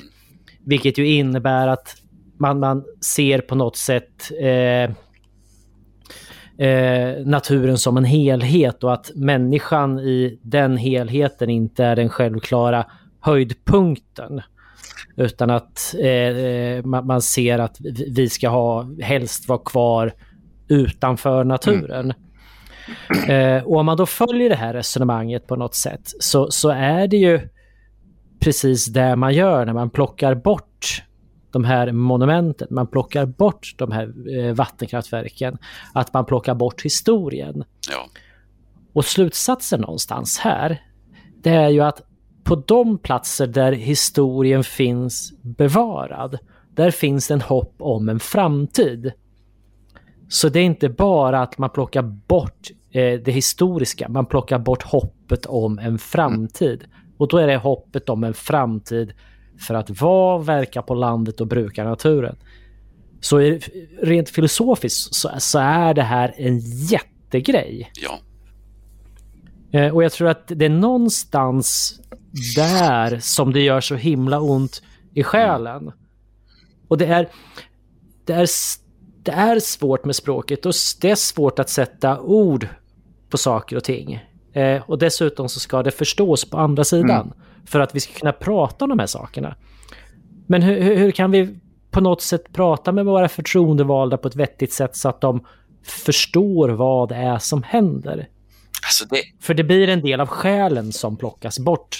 Alltså det jag upplever som att eh, när, när det kommer, om nu tar då småskalig vattenkraft som är specifikt, va, så är det ju en utnötningsstrategi. Alltså det, det tar enormt lång tid att få politiker att vakna och se vad det är som händer. Här i Värmland har ju gud bevars eh, kommunalråden i de flesta kommuner i Värmland eh, gått samman faktiskt att, att, att eh, gå emot det här för att man, man har förstått liksom att det här handlar om kulturhistoria. Mm. Det handlar om våra vattenlandskap.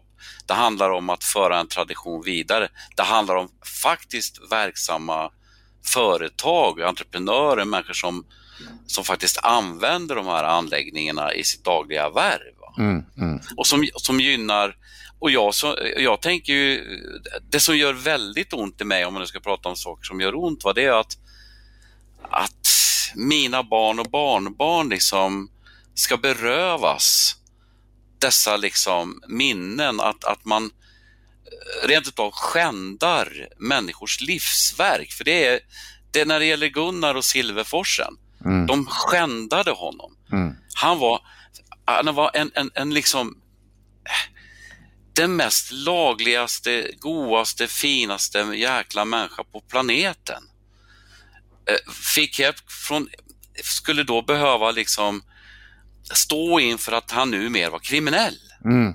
För det var det han, han, han, han tog det ju som att ja, men du, du har en illegal verksamhet. Mm. Alltså inte... Om inte du betalar vite här så, så, så, du måste betala vite, det här är en, en brottslig handling. Han var ju helt... De slog ju undan benen för den mannen totalt. Han dog dessutom i förtid på grund mm. av detta. Nej men alltså inte bara kriminell utan ond. För man, alltså kriminell kan man, menar, menar, man kan, man, kan, alltså man, har, man kan bryta mot lagen men alltså ändå tycka att man har ändå ganska bra intentioner. Man, okay, jag, man kör, jag körde lite för fort. Eh, eller för att det, liksom, det skadar inte någon. Eh, och så vidare och så vidare. Men just det här att man blir... Alltså när man vet om att man gör fel. Typ, jag körde för fort. Det är mot lagen. Då kan man... Men då tar det inte så jävla hårt att få kritik. Mm.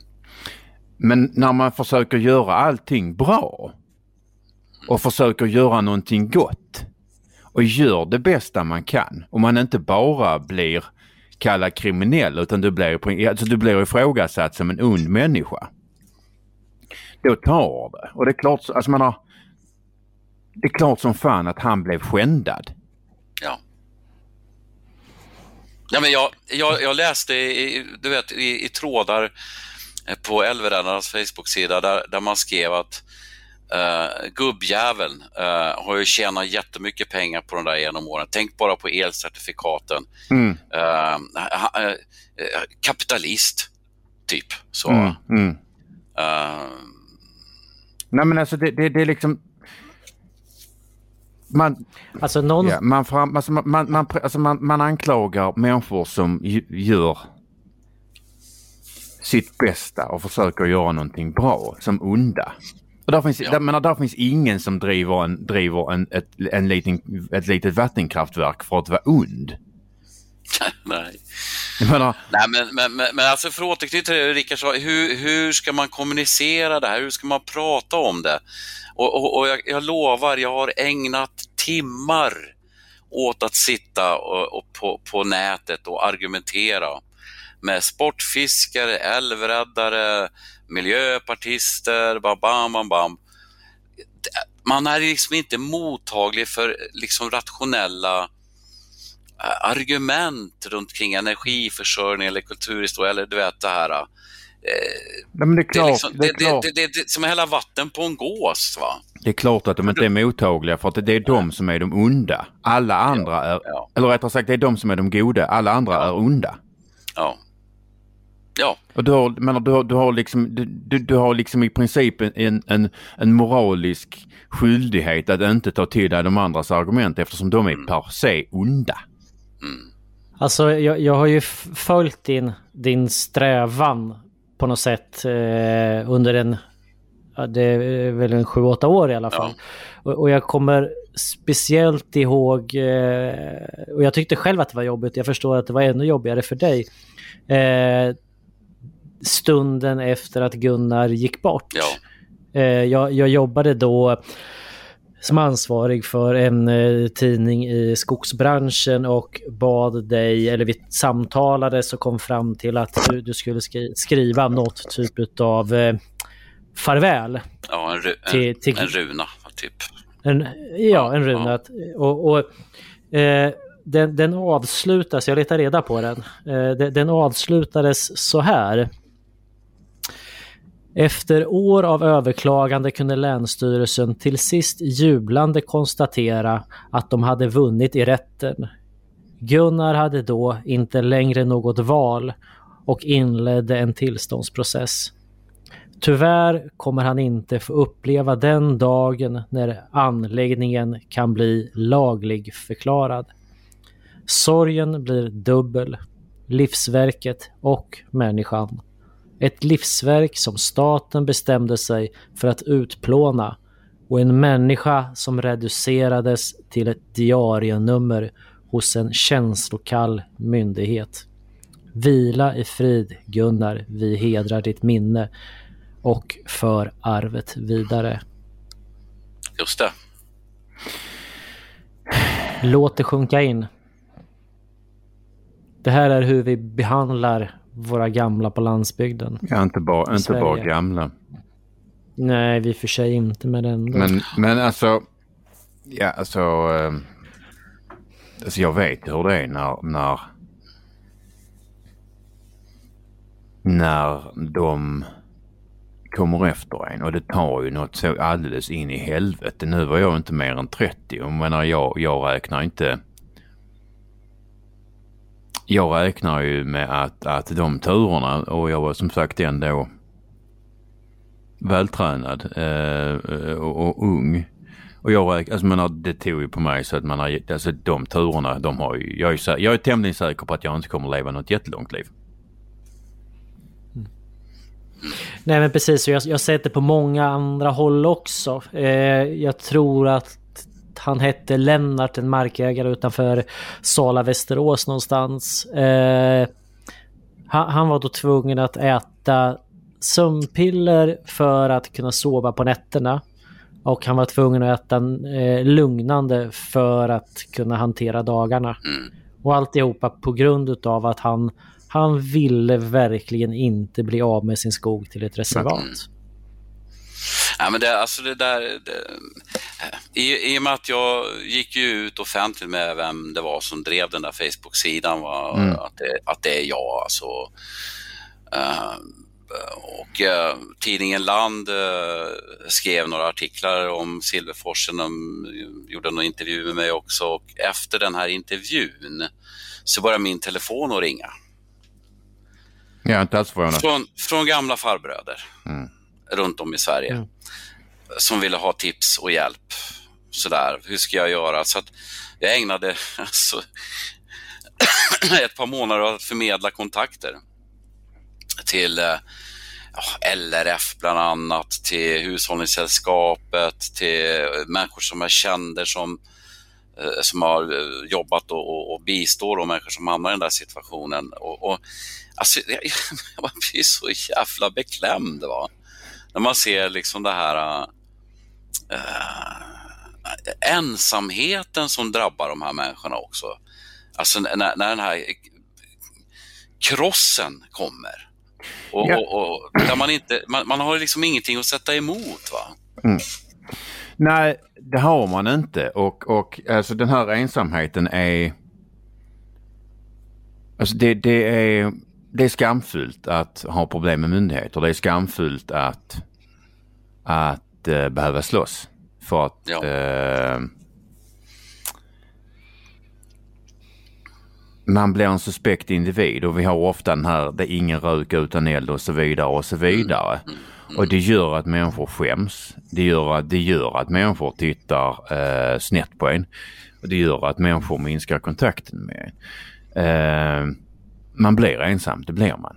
Eh, mm. Även det tar på en. Mm.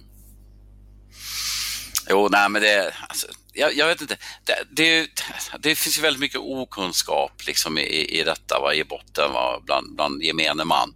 Jag, jag har ju sett runt omkring här i Värmland när när det faktiskt är så här att, eh, ja, vi tar sjön Grängen till exempel, där, där har Forto bestämt sig för att ta bort dämmet. För att de har ingen lust att, att hålla på och mecka med det längre. Mm. Och då, det, det, blir den enklaste vägen ut. Liksom. Då vaknar ju folk. Va? va? Ska mm. sjön försvinna? Det mm. sjön i Molkom var en sån här Molkomsjön, det är ju... Mm. Ja, det, jag menar, det är helt sjukt. Folk har ju, har ju, har ju liksom sina sommarstugor och båtar ut och fiskar och badstränder. Alltså. Det är bara en liten dyphöl i mitten. Då vaknar folk. Alltså, mm. folk i gemen. Va? Man vet ju inte om mm. att, att det händer.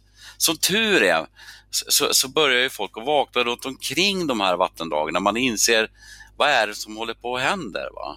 Och så på det sättet så tror jag ändå att det finns någon liksom progression sådär att, att, att kunskapen om det ökar bland de människor som, som är, drabbas mest utav det. Va? Mm. Mm. Ja, men det, det...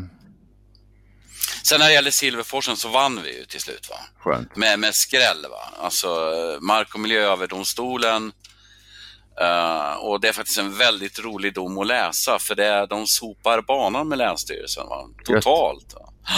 Mm. Och älvräddarna och sportfiskarna har försökt överklaga det till Högsta domstolen. Och grejen är ju att Silverforsen bland älvräddarmänniskor, säg Silverforsen till en älvräddarmänniska och de ser rött. Alltså det vart en nagel i ögat på dem. Alltså. Så det vart ju en prestigegrej va, från Christer Borg och hans anhang. Att, att, att eh, vi, vi ska... De, de försökte till och med köpa Silverforsen. Mm. för, och samla pengar för att köpa det för att sen kunna riva det. Det säger mycket om de där människorna. Mm, mm.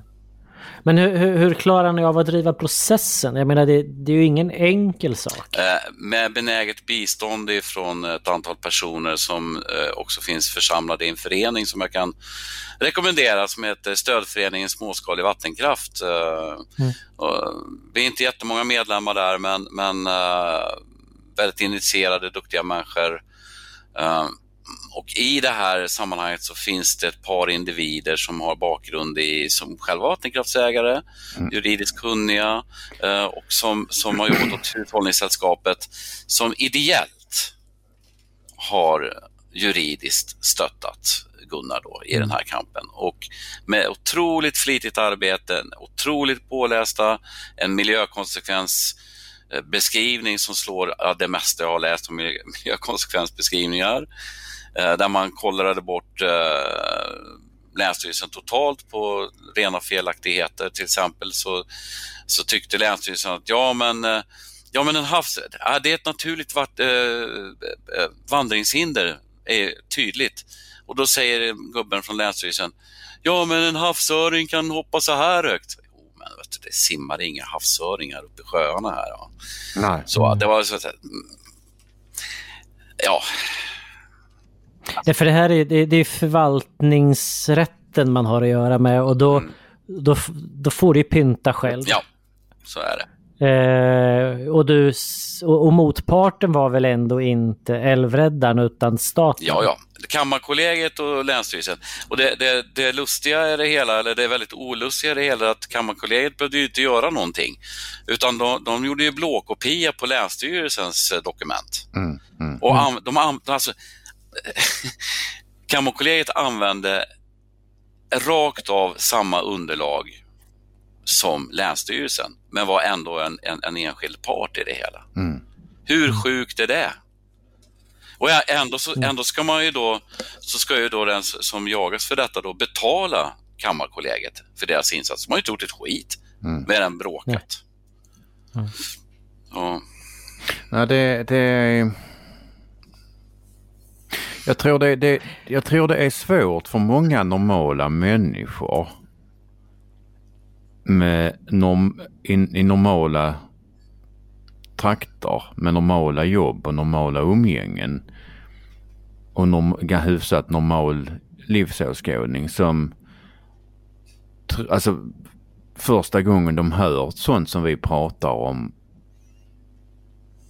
att jag tror det är svårt för dem att lita på det, alltså tro på det. Ja.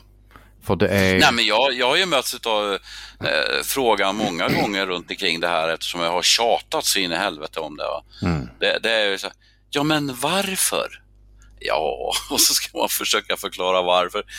Alltså, det går ju inte. Nej.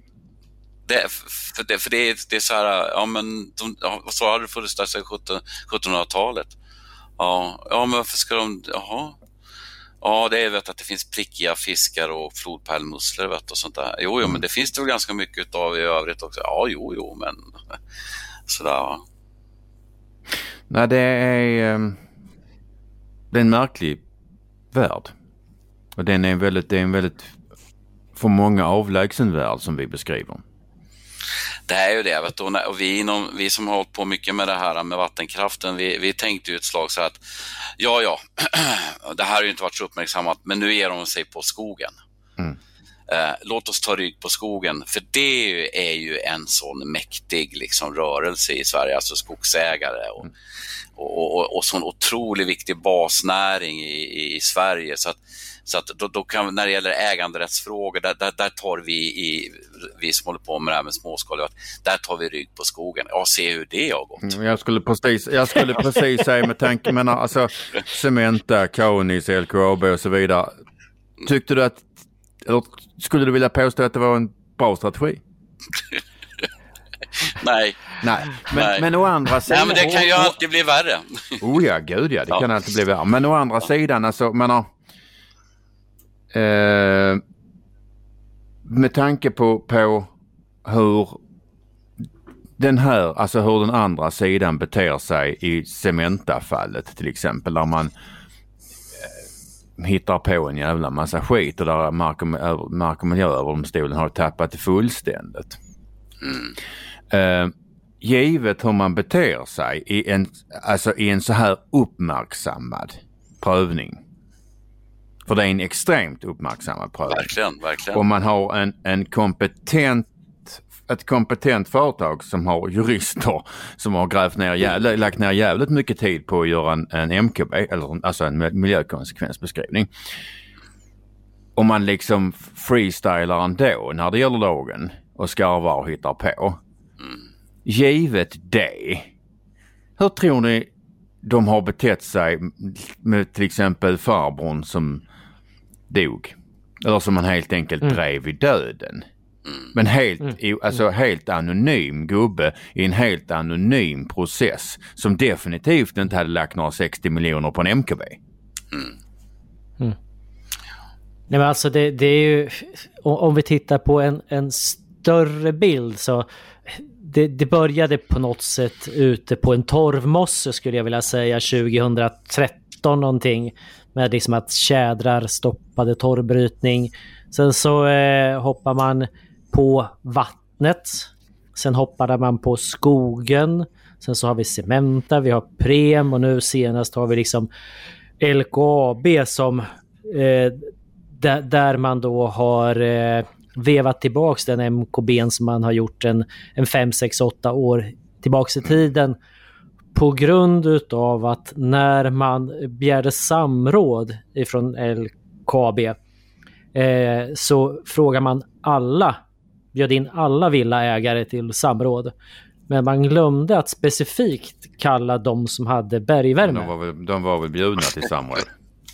Ja, jo, men i regelverket så står det att de specifikt ska bjudas in. Men det ber- Och då använder man ju det för att stoppa MKB. Ja, ja, men alltså de har ju, alltså menar, även de med bergvärme har blivit bjudna, alltså inbjudna till samrådet. ja, ja. Ja, ja, ja. ja. Jo. Ja, ja. Det kan ju inte... Alltså, om du bor i en by där hela jävla byn ska flyttas för att liksom, det håller inte att bo där uppe för man spränger under Mm. backen. Det tror fan att alla går på, på liksom ett samråd. Ja, du har dessutom Men- blivit, du har blivit inbjuden till det. Ja. Men du hade inte, man hade inte specifikt bjudit in de som hade just bergvärme. Och då så skickar man tillbaks den här MKBn att göra om. Ja, nej, men- alltså, Eh.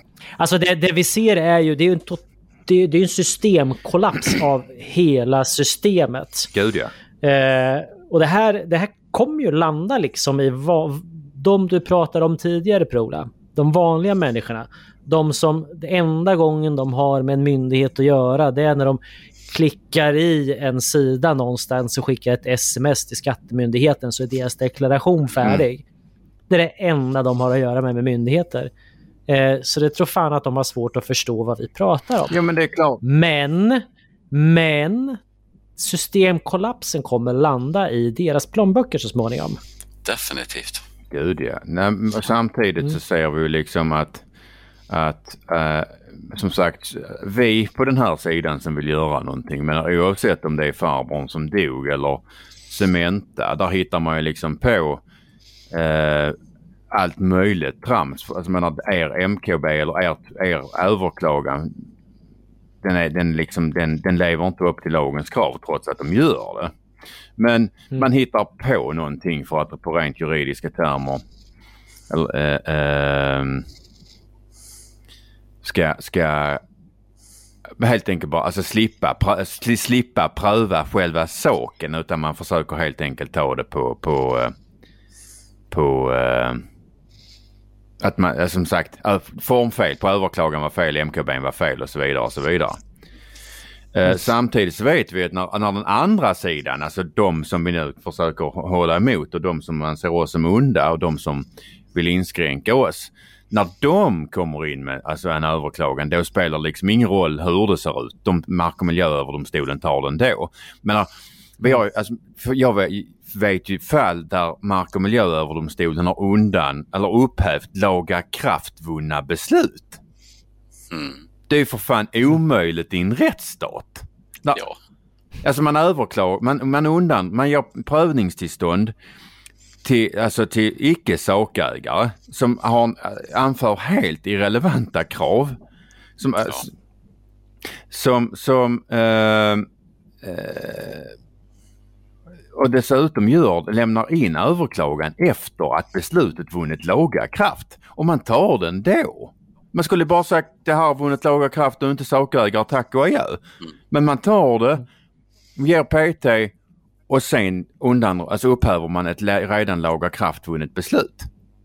Jo, och det, och det finns något jävligt jobbigt i det här samtidigt. För att Ja, för, det- ja, för att du, inte, du, du vet aldrig. Du, du, du, du, du, är, du är inte säker som människa för att stat, alltså, det, det spelar ingen roll om du så till, så till och med har fått det beslutet att hinna vinna låga kraft. De kan ta det, de kan ta det från dig ändå. Exakt Jo, så. men man har ju våldsmonopolet på sin sida i slutändan. Va? Ja, ja. Det, det, det är klart att, och vi som svenskar, va? vi är ju inte fransmän precis. Ja, men vi som svenskar, vi är ju som, det är som är svindyra bränslepriser så här och ja, det, jäklar vad arg jag är på det och så händer inte så mycket mer. Va? Mm. Men jag vill bara säga att alltså, det är ju att man riggar ju också, man har ju en verktygslåda här. Va? Eh, nu låter jag som en konspirationsteoretiker, va? men det är klart att eh, eh, konspirationsteoretiker blir man ju för att det finns konspirationer. Så, Alltså, alltså Men- att, att, du inte, att du inte är paranoid betyder ju inte att de inte är ute efter dig. Nej, precis. Man kan vara förföljd, man kan vara förföljd ändå. Nej, men jag, jag tänker som en sån sak som eh, ett fall som liknar det här med Cementa. Va? Det är att en, eh, en eh, vattenkraftsanläggning uppe i norra Sverige, jag har tappat namnen på den, Långforsen tror jag, men ja, hur som helst. D- där man då bildar ett Natura 2000-område. Och sen så tar man det som intäkt för att det ska rivas. Eftersom, och, och då har då alltså eh, dämmet och alltihopa funnits där i över 200 år. Va? Mm. Och då säger man, ja men det ligger ju i ett Natura 2000-område. Ja men, ni bildade ett efter. Mm. Det spelar liksom ingen roll. Och det är ju samma här med, med Cementa. Va? Det var ju liksom eh, en händelse som ser ut som en tanke. Va? Ja, men det, Att, att, ja. att man gör det på, här, på det här viset. Va? Där har du ju så Agenda 2030 och hela det här härket man håller på med nu. Va? Så alltså, jag, jag, jag vill säga att det, för mig är det fascism helt enkelt. Va? det är fascism. Ja. Det är, det, är, det är hemskt, men det är fascism. Mm. Det hade kanske varit lika bra att stanna i Tjeckien. Ja, alltså jag har ju bott i Danmark en period så, och jobbat som musiker. Eh, så att jag har gjort ett, ett, ett, ett, ett litet spel utanför Värmland här faktiskt under en, en förvirrad tid i mitt liv. Men Uh, Danmark, det, det har jag tänkt på att det, där borde jag nog inte ha flyttat ifrån. Men Tjeckien däremot, de, de är ju mycket mer så här att de skiter väl liksom i vad EU tycker när det gäller vapenlagstiftning och så där. Då bestämmer, I Tjeckien bestämmer man sig att nej, men alla bör ha ett gevär hemma, för det är en del av vårt civilförsvar. Mm. Istället för som i Sverige, liksom, att man ska liksom begränsa folks vapeninnehav med alla möjliga idéer om vilken ammunition man får använda och bam, bam, bam. Liksom. Mm. Så att, eh, ja, Tjeckien är väldigt vackert, men eh, jag trivs här uppe i skogen ändå.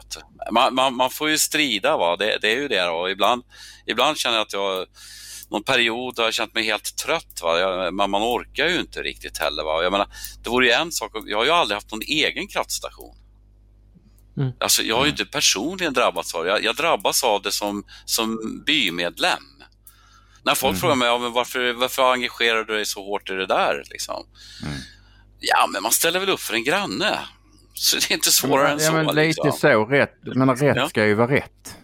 Ja, jag hatar sånt där. Och, och där kanske jag har lite av min revolutionära farsa inne i mig. va Så att, att äh, tål inte sånt där skit helt enkelt. Va? Och då, man måste säga ifrån. jag, jag, tror att många av mina vänner är ganska trött på mig också sådär när det gäller mina Facebook-uppdateringar. Sådär va. Mm. Det är så här, Lasse, ja, du gillar inte Miljöpartiet va? Nej. Men det, alltså, det är svårt att gilla, alltså menar är man miljövän och människovän så är det svårt att gilla Miljöpartiet för de är fascister. Ja. Ja. Det är ett jävligt hårt ord men alltså de är ju, alltså, de har ju en otroligt problematisk syn på andra människor, demokrati, allt som är vackert.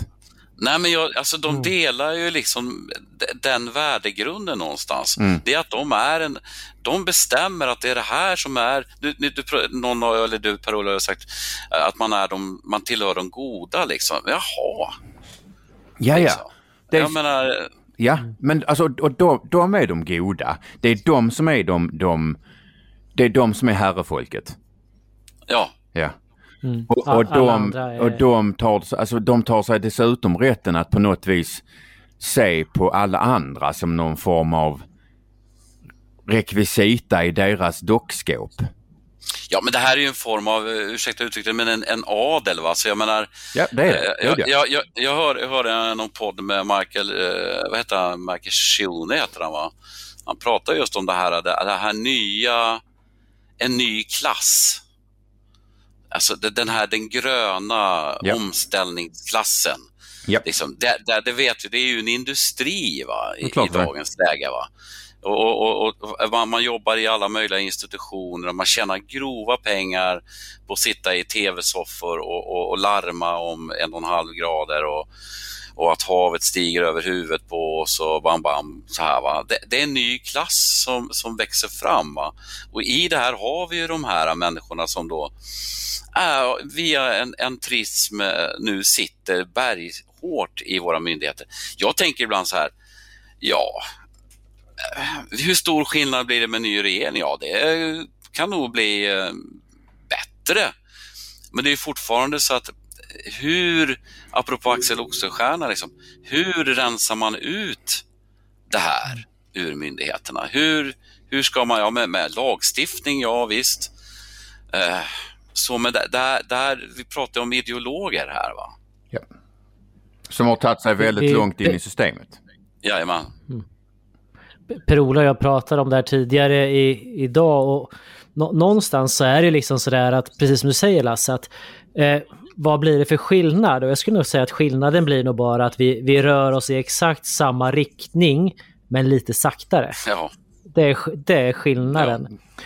Alltså hela den här kläggen som på något sätt är samhällets, det samhälleliga övergripande ideologin om att allting går åt helvete och att vi just nu lever i en tid då jorden kommer gå under.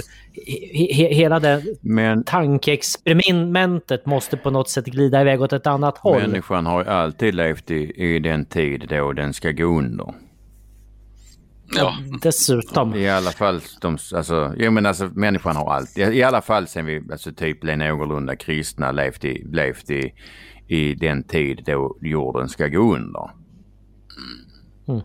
Nej, men jag, jag, innan eh, Rickard ringde till mig för så pratade jag politik, politik med min 15-åring här och, och det gör vi ganska mycket då. Eh, jag förbehåller mig rätten som, eh, som förälder och pappa att få indoktrinera honom men, utifrån men, mitt, mitt huvud än att, att skolan ska hitta på. men, det, men det är väl därför man skaffar barn för att helt utifrån eget gottfinnande för, för, forma eller eventuellt förstöra en helt oformad och oförstörd individ. Ja. Nej, men jag, jag, jag, jag ser ur ett, jag, jag ser ur ett frihetligt perspektiv helt enkelt. Liksom. Jag, jag, alltså, man måste prata med sina barn om, om, om det här orättvisorna som sker utifrån den, en, den aspekten. Alltså stad och landkonflikten. Alltså vi bor ute i skogen här. Va? Det är kolsvart när jag tittar utanför fönstret här. Alltså mm. vi bor här ute, vi har våra förutsättningar och jag, jag måste ju någonstans eh, känna, jag känner att det är ju förhoppningsvis inte bara lämnar en gård i arv utan också en knippe liksom eh, kritiskt tänkande. Att köp inte det här. va. Och, och så, ibland pratar vi väldigt djupa saker. Eh, förr pratade vi liksom... Jag, jag springer ju iväg lite grann så, men, men att eh, prata om liksom, jag undrar hur det kommer att se ut hur, när kollapsar det här postmoderna samhället liksom, med identitetspolitik liksom, och urbana normer till höger och vänster. och så här. Hur, hur, hur kommer det fallet att se ut? Liksom, och, och framförallt, hur långt är det dit? Kommer det att ske snabbt? Kommer att vara en eh, långsam process där folk börjar frysa, svälta, du vet, inte kan transportera sig? Det kommer nog bli en ganska så snabb process. Det har vi sett förr när vi har haft en adel som har varit helt jävla oförstående för massorna. Ja. Mm. Let them eat cake. Vi tänker exakt lika. Mm. Um, och vi har ju ett, vi har ju, alltså vi är ju, nu tror jag inte att människor idag kommer börja halshugga miljöpartister eller Naturskyddsföreningen människor, men vi har, alltså vi har ju ett oerhört liknande system idag där vi, jag tittade idag lite på det här, för jag såg en artikel där vi, där det stod om eller man, där man konstaterar att vi ligger, vi lägger allt, eller vi, vi, har aldrig lagt så lite av snittlönen på, på bensin och diesel som idag. Trots att den är sjukt jävla jättedyr. Um, och det är av snittlönen. Uh, och att vi lägger lite av lönen, det spelar liksom ingen roll för de som producerar. Tvärtom. För, för dem spelar det fan mig roll. Eh, framförallt eftersom många använder diesel för sina fordon eh, och arbetsmaskiner. Men det är ju samtidigt så att det råder nästintill omvänt, omvänd korrelation mellan tillgänglighet till lokaltrafik, kreditvärdighet för en elbil, inkomster och möjlighet att jobba hemifrån. Och just inkomster. Så menar, alltså menar, de som de som har, inte de som har, har bra tillgänglighet till lokaltrafik, de som har eh, möjlighet att köpa en elbil, de som har möjlighet att jobba hemifrån. Det är de som drar upp snittlönen för det är de som tjänar mest pengar. De som inte har tillgång till lokaltrafik, de som inte är kreditvärdiga för att köpa en elbil eller kanske till och med har behov som gör att de inte kan ha en elbil i, i dagsläget och de som inte kan jobba hemifrån, det, de, har inte, de har inte pengar nog. Det, det är de som ligger i den andra änden av, av löneskalan. Ja, om, alltså det, det är vi, vi, om man nu tar dieseln som exempel här ute, va? jag menar, det är ju vid pumpen det räknas. Det spelar väl ingen roll om man sänker skatten för folk som råkar bo liksom på en viss postnummer. Nej, inte ett jävla dugg.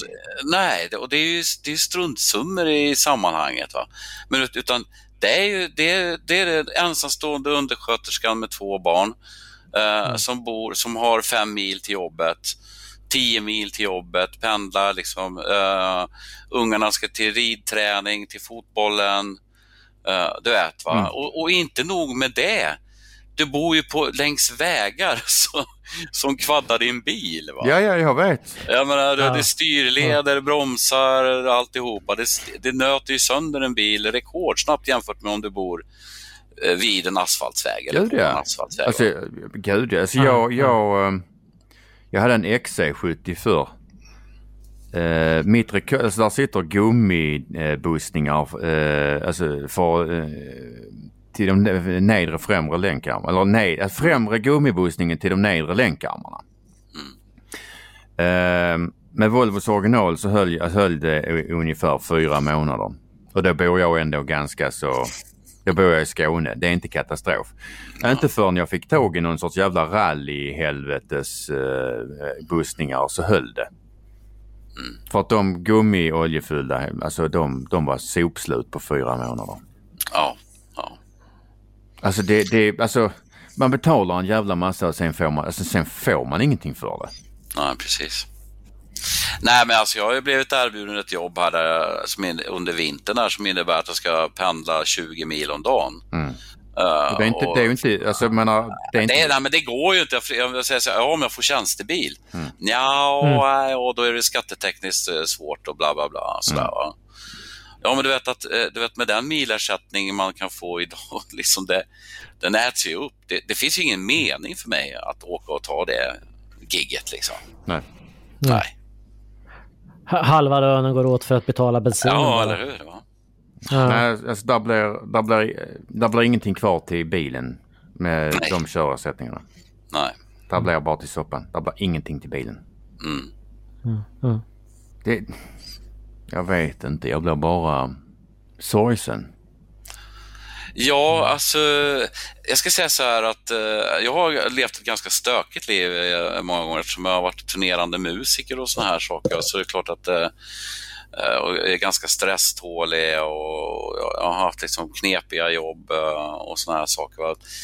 Men, eh, och har alltid tyckt att ja, men så grundinställningar, ja men det ordnar sig. Mm. Så, va? Mm. Men nu för tiden så, så kan jag ibland känna så här att fast det verkar fan inte göra det, att det ordnar sig i det här fallet. Va? Nej. Det verkar ju bara bli värre. Ja. Eh, så att, eh, och, och, och själv så personligen så kämpar jag liksom med så här uppgivenhetskänslor. Va? Men, vilket ganska snabbt eh, då övergår i glödande hat istället och det är ju ganska skönt. Så, Men det är väl ändå skönt, skönt att du kan, du kan, du kan eh, vad ska jag säga, mötas, in, eh, möta de här eh, människorna som vill rädda älvarna. Eh, I alla fall när det gäller uppgivenhet som övergår till glödande hat. ja. Så att eh, när ska du näthata ihjäl någon av dem? Eh, ja, just nu är jag ju... eh, Det är ju så här att man vill ju tapetsera skogarna här med vindkraftverk. Så att det är väl eh, liksom någonstans där jag är nu, liksom att man ska då bygga. Alltså vi har ju redan byggt ut våra älvar här kring och, och vi har väldigt mycket vattenkraft. Vi, vi behöver ingen vindkraft här i Värmland i alla fall Nej. för att försörja oss med el. Va? Och, eh, Eh, det gör ont i min själ när jag ser liksom hur de här blånande bergen och kullarna och skogarna och vattendragen och alltihopa liksom kläs med, med de här monstren utav det. En intermittent jävla vädersnurra liksom. Så, som, som jag själv har sett då när, när uh, när det är som kallast förra vintern, ja men de står ju helt still liksom. Ja, ja. Alltså de förstör elnätet och de förstör sko- Där he- helt plötsligt så tycker miljörörelsen att det är en skitbra idé. Att dika ur myrar, att byg- bygga aut- autostrader över, över liksom stora skogsområden liksom. För att smälla upp 57 stycken liksom. Och så är det något bolag som, som heter Olsen Renewables eller något sånt här va? Som, som då så här, på riktigt äkta woke-manér eh, liksom blir så här hållbara och, och, och sådär. Nu, vi, vi ska dra vårt strå till stacken för klimatomställningen, bam, bam, bam. Liksom. Där hatar jag just nu ganska mycket på nätet faktiskt. Så, mm. eh, jag hatar inte så mycket. Jag, jag stöder mest de människor som, som håller på. Där har ju Facebook liksom på något sätt öppnat dörrar för att folk eh, får någon sorts gemensamhet. Man, man, man lär känna varandra, man bygger nya nätverk. I Norge har de en buss som åker runt omkring land och rike. Och, och de var faktiskt i Sverige också en vändning här uppe i Höljes. Där, där man planerade att bygga då. Nu blev ju det stoppat då för att eh, kommunens politiker hade sans och sa att nej, vi skiter i det där va. Så, så Vi, vi, vi har el så vi Ja, klarar ja men vi har, och vi Ja. har redan byggt Höljesdammen liksom och, och det var ett Ja. enormt ingrepp i naturen. Liksom. Den ligger där och gör samhällsnytta, fine. Liksom. Men, men nej, det räcker liksom. Men, men, men, men någonstans där så är det ju återigen som du på, påtalar liksom, det, det är väl kanske inte att skydda miljön eller göra en bättre värld som är det primära utan vi, vi landar ju liksom i, i, i din barndom återigen. Liksom, att det, det de är ute efter är din frihet. Jajamän. För att din frihet står i vägen för deras makt. Deras makt att kunna bestämma över dig och det dina och det du äger. Det är för ditt eget bästa. Ja, det. Det ska vara lätt att göra rätt. Ja. Det ska Och vara lätt, lätt, lätt. Ja, ja. Ja. Nej, men det, det är, sann frihet är att slippa välja. Det vet du väl? ja.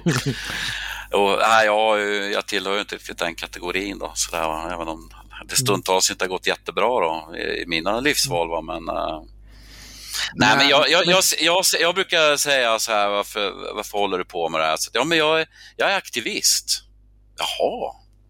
Nej, ja, men jag är landsbygdsaktivist. Jaha, då, då, då tror folk direkt att det handlar om att man eh, vill göra omställning Värmland så här, va, till ett grönare. Nej, utan jag, jag, är aktivist på det sättet att jag, jag tänker fortsätta att bråka med de här äh, människorna som stövlar in liksom och tycker va, att, att de äger det som är mitt.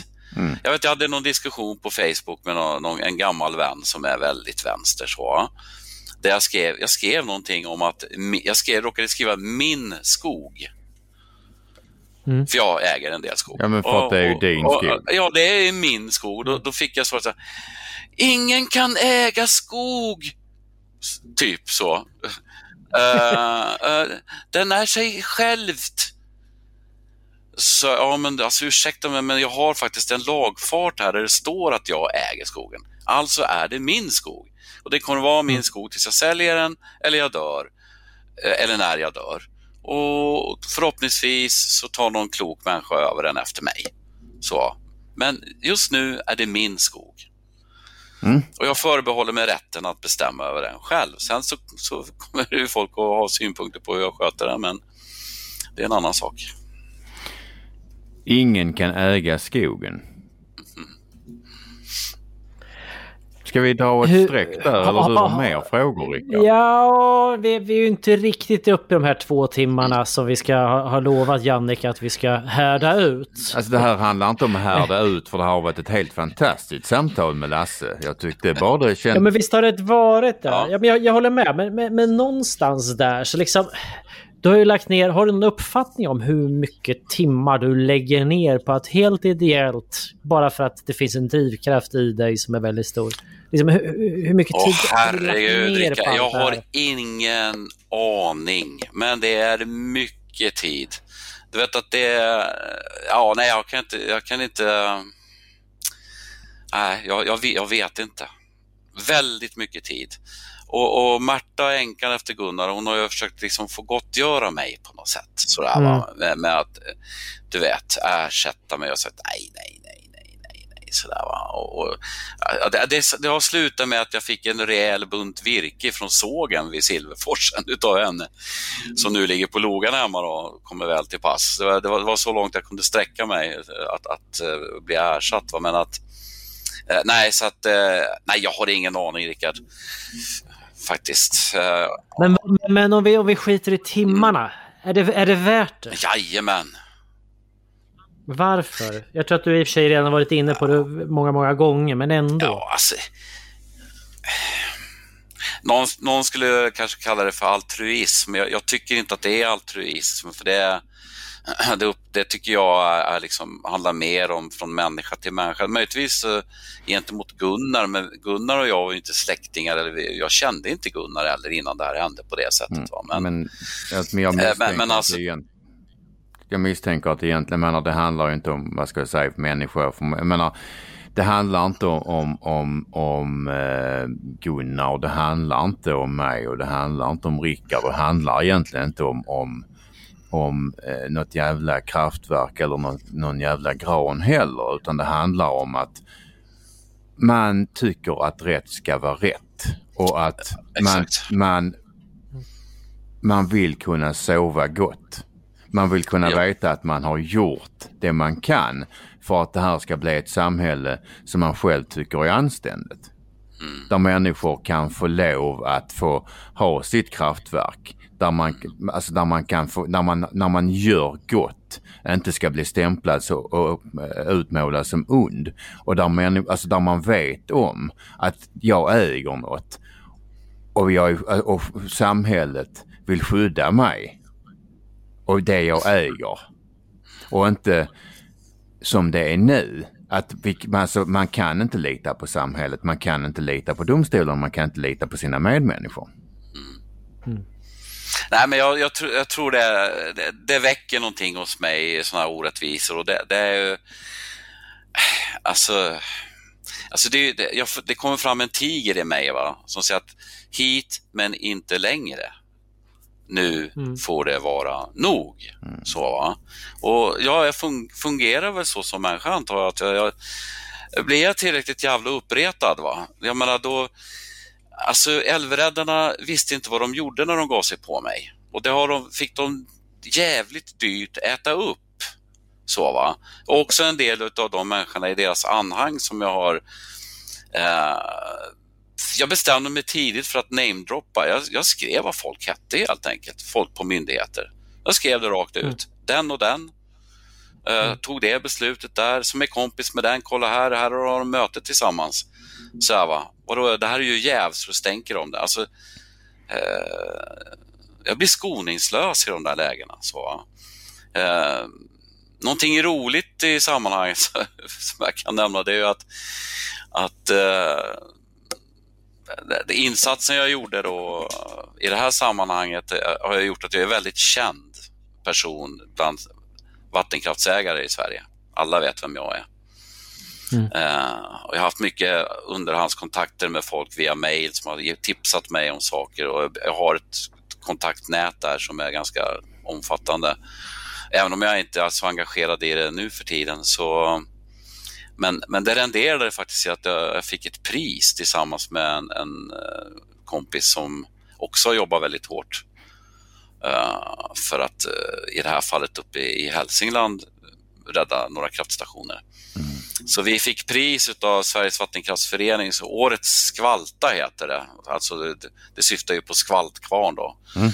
Ja, ni som bor i städer kanske inte vet vad skvaltkvarn är för någonting, men det är en, en kvarn som man bygger vid en strömmande vatten och mal mjöl. Och så att, eh, jag fick i alla fall ett pris. Det, det kände jag, det, det, det, var en väldigt skön känsla efter all, apropå hur mycket tid jag lagt ner, att liksom bli, få bli hedrad på det sättet för insatsen.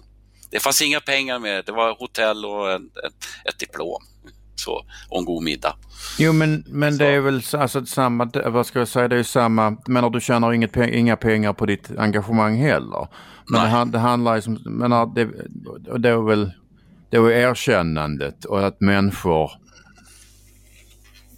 alltså förklarar och bekräftar att du faktiskt har gjort någonting. Ja. Som, som är det viktiga, inte att du får pengar. Sen är det ju alltid kul med pengar. Man kan ju köpa jo. något roligt, typ en ny gitarr. Ja, jo men säg inte sådär. Eller, åh, så det, alltså, alltså, alltså din, din, största, eller din största fasa är liksom om, om du skulle gå och dö och din fru säljer gitarrerna för, för vad du påstår att du har köpt dem för. ja, de är betydligt mycket mer värda nu än när jag köpte dem kan jag säga. Ja. Men det är väl bra. Det är väl en investering då i alla fall? Ja, det är, jag spelar på dem framförallt. Eh, sen har jag stundtals tjänat pengar på mina gitarrer. Men, eh, Underbart. Vad spelar ja. du? Mm. Jag spelar gitarr och jag spelar um, jag har spelat alla möjliga musikstilar. Jag, jag, har till och med faktiskt spelat klassisk gitarr en gång i tiden. Uh, vilket då kräver att man inte gör något annat än spela gitarr, jag inte håller in motorsåg eller uh, snickrar eller skruvar med en bil. För det går ju liksom totalt bort om man ska spela klassisk gitarr eftersom man ska ha så perfekta fingrar och långa naglar och såna här saker. Så att, men, men uh, som sagt jag, jag har gått ifrån Eh, soul och bluesmusik och, och numera tvättäkta hårdrockare som spelar Iron Maiden och annan sån här god 80-talsrock eh, ihop med ett Nej. grymt kompetent band här i Sunne. Så, Underbart. Så att, eh, ja. Och om man vill lyssna på dina musikkunskaper, vad, vad, vad, vad, vad knappar vi in på på nätet? Ja. Nu blir jag ju tvungen att avslöja vad bandet heter också. Det blir ju lite roligt. Fan också. ja, jag vet ju det, så därför ja, säger jag det. Ja, bandet heter Dirk Diggler Fan Club och finns att hitta på Facebook åtminstone. Vi, vi, vi är ett hobbyband, men, men vi, eh, vi har en hel del spelningar och eh, nu efter corona så börjar det trilla in mer och mer spelningar. Så där, så att, eh, men googla Dirk Diggler så, så blir ni varse. Men jag tror på något sätt att det får bli slutorden för eh, den här sessionen. Eh, vi tackar dig stort Lasse för att du kunde vara med. Vi mer eller mindre kidnappade dig. Du hade fem minuter på dig att plugga in. Ja, det var lite Eh, lätt chockartat hörde du faktiskt. Jag skulle ju egentligen gå och lägga mig när du ringde. Ja, vi, vi, vi, vi ska snart göra det allesammans. Egentligen är tillsammans med borde pragmatikernas favoritord. Det, fin det finns Så så, mycket det. man borde. Till exempel gå och lägga sig. Nu fick du inte det för att vi kidnappade dig vi är otroligt tacksamma för att vi fick det. Tack. Så vi har ju alltså då presenterat en eh, helt okänd Lasse som numera inte är en okänd Lasse utan en hjälte för oss alla ute på landsbygden. Det finns många hjältar där ute och vi ska väl försöka att leta reda på fler. Men vi, eh, jag tror att å alla lyssnares vägnar djupt tacksamma för att vi fick ta del av din berättelse. Tack själv. Tack. Vi hörs igen. Det här är Samtal. Adjö. Hej då.